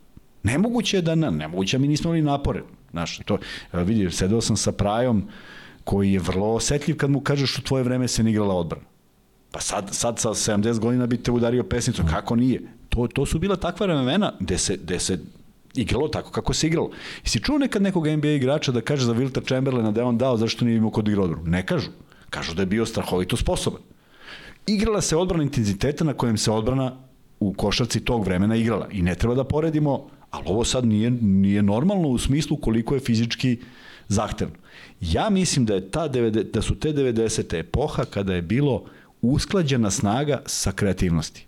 Dakle, imaš plejadu igrača koji su znali da izmisle koš, a bili dovoljno jaki, da nije baš bilo na odbrana, kao, znaš, cupkam pored tebe. Pritom su tada, tada je bio drugačiji fokus na mišićnu masu. Sigurno, ako, tako ako primetimo, na primjer, 90-ih i početkom 2000-ih i uporedimo košarkaše sada, koji su mnogo više, ali drugačije je raspoređena masa. Jest, jest. I opet ta eksplozivnost koja se gradi treninzima u teretani, vežbe koje oni danas izvode, ja opet povučem uvek iz uporedi malo sa američkim futbolom gde je sada najviše ti imaš po utakmici prednju ukrštene. Da, pa to je nevjerojatno, jeste napori Nije veliki. tako bilo 90-ih, i ljudi su tada bili zverine, stvarno, tako stvarno kad pogledaš kako su izgledali, tako nije kao da su ovi sada nešto dominantni. Možda više tih lateralnih promena, možda naglašenije neke Ne znam, promene ne znam, pravca, nešto- šta je.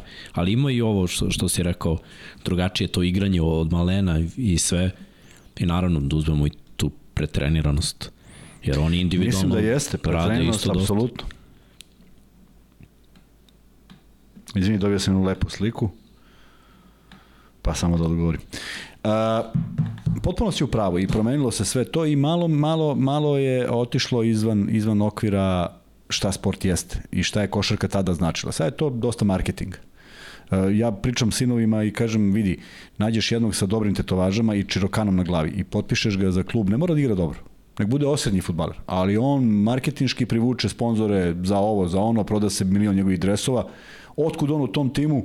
Možda i nije baš najjasnije, ali to su neki izbori. Tako da ima, ima mnogo toga što je drugačije iz prethodnog perioda. Mi nismo, na primjer, ja sam, ja sam ubeđen da ti dođeš kod nas u slučionicu 99. u tu budućnost i da sad kao treba napraviš neki intervju, da te neko pita nešto pred utakmice. Pa to bi te izbacili na glavački.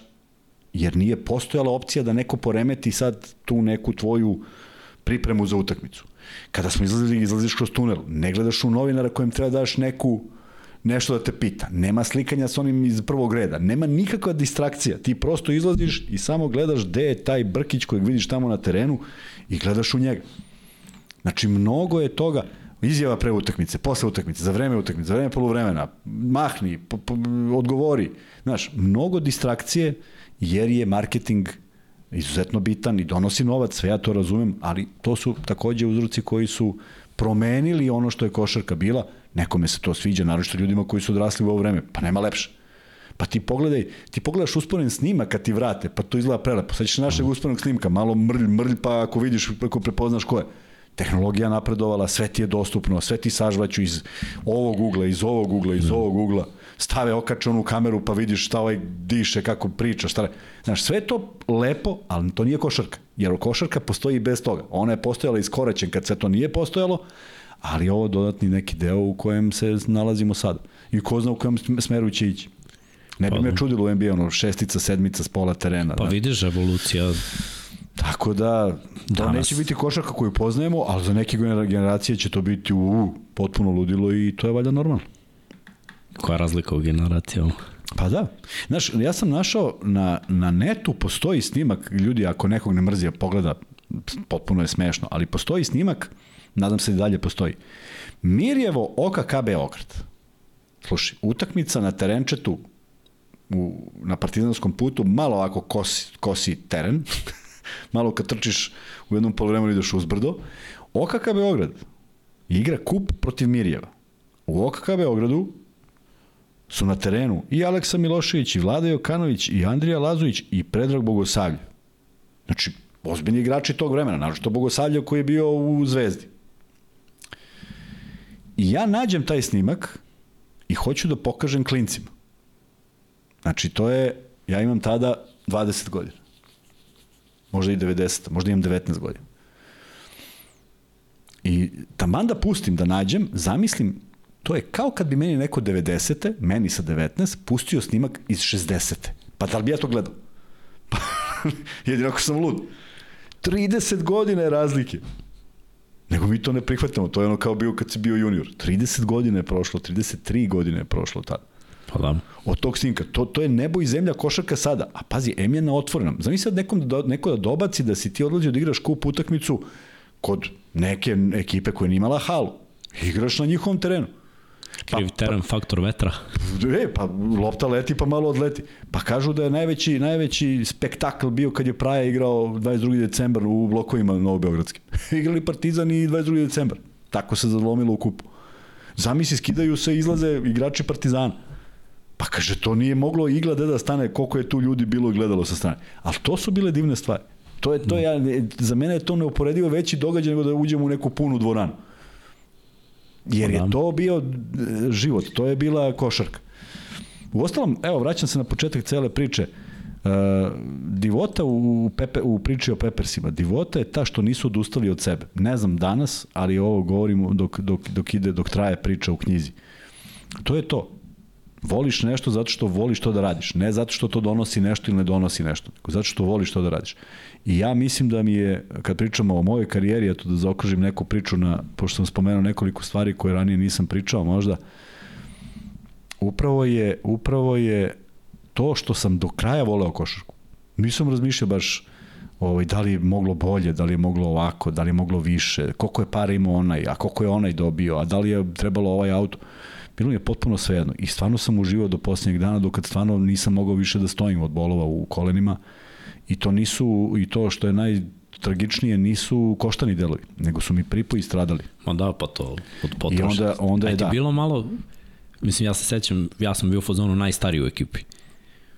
I bukvalno sam bio, znaš, čuješ ove, ove klince koji dolaze imaju 18, oni junior, da. a ti mi trener u juniors koji sad oni dolazi, njima je to sve, ma možda i sledeća godina tebi. A tebi kraj, da, da, da. I onda i te povrede i sav si kljakao i nekako budeš u fazonu. Ja sam već na nozi otišao u Rumuniju jer, jer onda prebacuješ težinu na drugu pa rasturiš i drugu.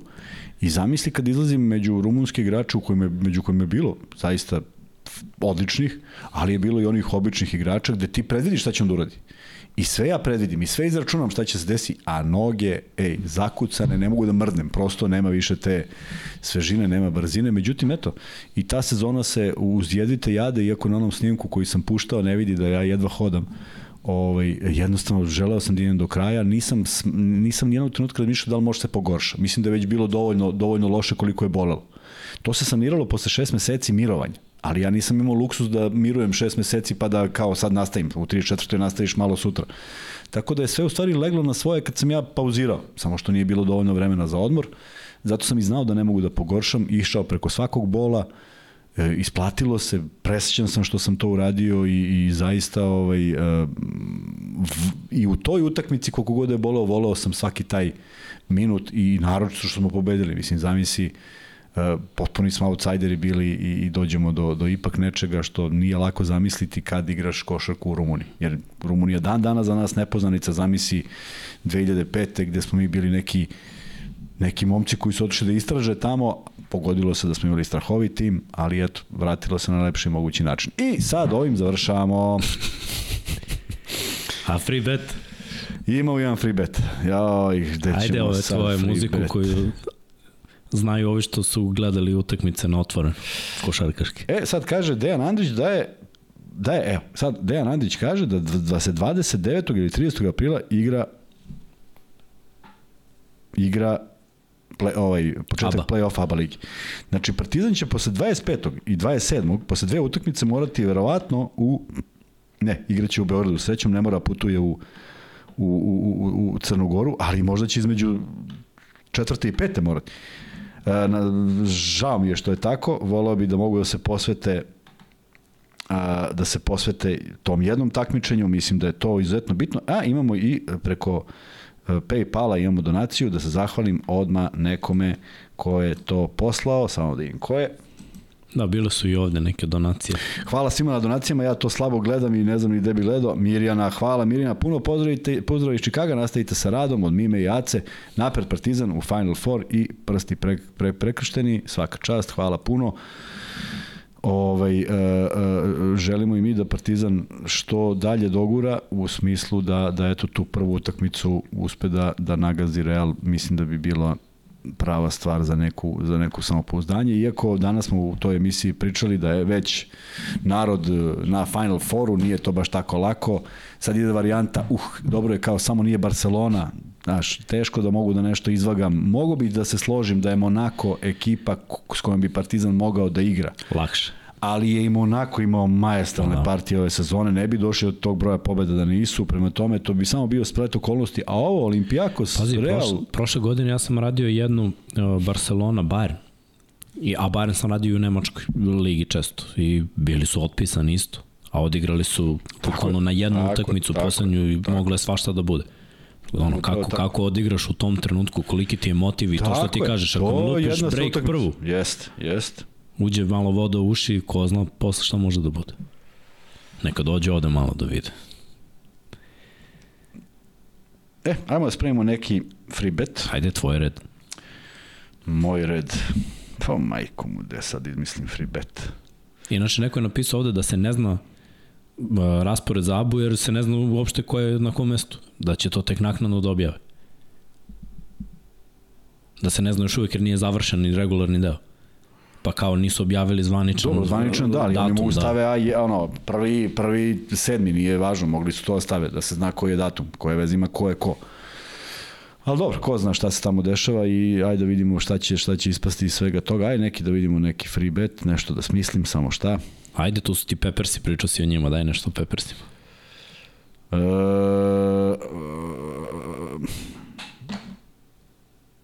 pa, ajde nešto o Peppersima. Ajde nešto o Peppersima, da imamo nešto bi možda... Više, ja sam stao sa stadijom Arcadium 2006. Ovo ništa nisam ispratio. Uh, Izbacili su novi album, inače. Ja, znam. I mogu da ti kažem da lepo zvuči. Pa, znaš, da li lepo zvuče kao Blood Shack Sugar Magic? Ne, a? E, to je ono što je problem. Gledaj, nikad ništa ne može da zvuči. A, znam. To, znam. to znaš već i sam. To je kao treći deo nekog filma. Znam, to znam. Postoje dva, znam. dva možda da je treći dobar. Ajde, dobro, ajde, dobro, idemo. Jedan od albuma Peppersa, koji je urađen sa Daveom Navarom. Kako se zvao album urađen sa taj jedan jedini sa Daveom Navarom, imali su posle turneju s njim, ali vrlo brzo A u knjizi možete pročitati zašto nije ostao član Peppersa. Ko prvi da odgovor ima free bet u iznosu od čak 1000 dinara. Šalješ ti te free betove? Ma jok, gde šaljem, samo, samo... A, izvinjam Kao i majice čekaš ne, da se maj, to sve ide, samo strpljenja. A free betovi nisam zašto sam bio na žabljaku, pa nisam mogao odande, pa ću sutra i ove od ponedjeljka. Imaćete u toku dana. Šta kažu? Larry Bird kaže one hot minute. Jeste, bravo Larry. Šalje Larry. Može, šalji. E pa, znate šta ljudi, hvala vam sa ovih, za ovih 2 sata i 50 minuta sa mnom. Nisam očekivao da će uliko trajati, jeste bio mali prekid, nadam se da nam nije smetao. Meni je uvek zabavno, drago mi je što smo imali ovu komunikaciju kakvu jesmo imali, opet smo neka fleka na ekranu. Šta se desilo? 99 yardi mi je na ekranu. Da, da, ali ide. A, ide stream, dobro. Uh, ne znam koliko vas je bilo, to Luka gleda, koliko god vas je bilo, hvala na pažnji, hvala na učešću u razgovoru, hvala na puno poruka koje sam dobio. Nadam se da nije bilo dosadno, s obzirom da je ipak to drugačije kad je Luka tu ili kad je već još neko tu. Imali ste priliku da gledate čak tri Lukina sagovornika, pa je i logično što je trajalo 3,5 sata, 5 sati, 4,5 sata. Uh, Ali, ovaj, eto, neke stvari koje ja nerado spominjem, isprovocirali ste me da ispričam, ima ih naravno još mnogo, ako vam se dopadaju, uvijek možemo da nastavimo u tom maniru. E, kako ono sam rekao sa garaže na žabljaku, šerujte, lajkujte i sve ono što uz to ide. E, svaki dan 30-40 novih e, pratilaca, što mi je vrlo drago, e, zato što nijednog trenutka ne mislim da stagniramo, mislim da pravimo dobro u dobru jednu zajednicu, da se ljudi polako prepoznaju. Doći na ta utakmica i verujem da će biti zaista onako iznad možda i naših očekivanja što svega toga tiče, samo da ovaj, prođe neki malo turbulentni period vezan i za posao i za sve, ali tu smo s vama i nadam se da ste vi tu sa nama i družimo se sledeće nelje, javit ćemo blagovremeno koji su to termini ispratit ćemo sve što vredi, što se utakmica tiče uh, na, na, na, kroz podcaste. Ako bude trebalo tri puta, tri puta nedeljno, vidjet ćemo kakav je raspored utakmica. U svakom slučaju bit će još mnogo košarke. A do tada, laka vam noć i lepo spavajte i Uh, sve one preporuke koje, smo, koje sam vam dao i koje je Luka dao, pronađite negde te knjige, interesantne su, pogledajte te filmove, nećete potrošiti mnogo vremena, a mislim da ćete uživati. Laka vam noć i vidimo se sledeće nedelje.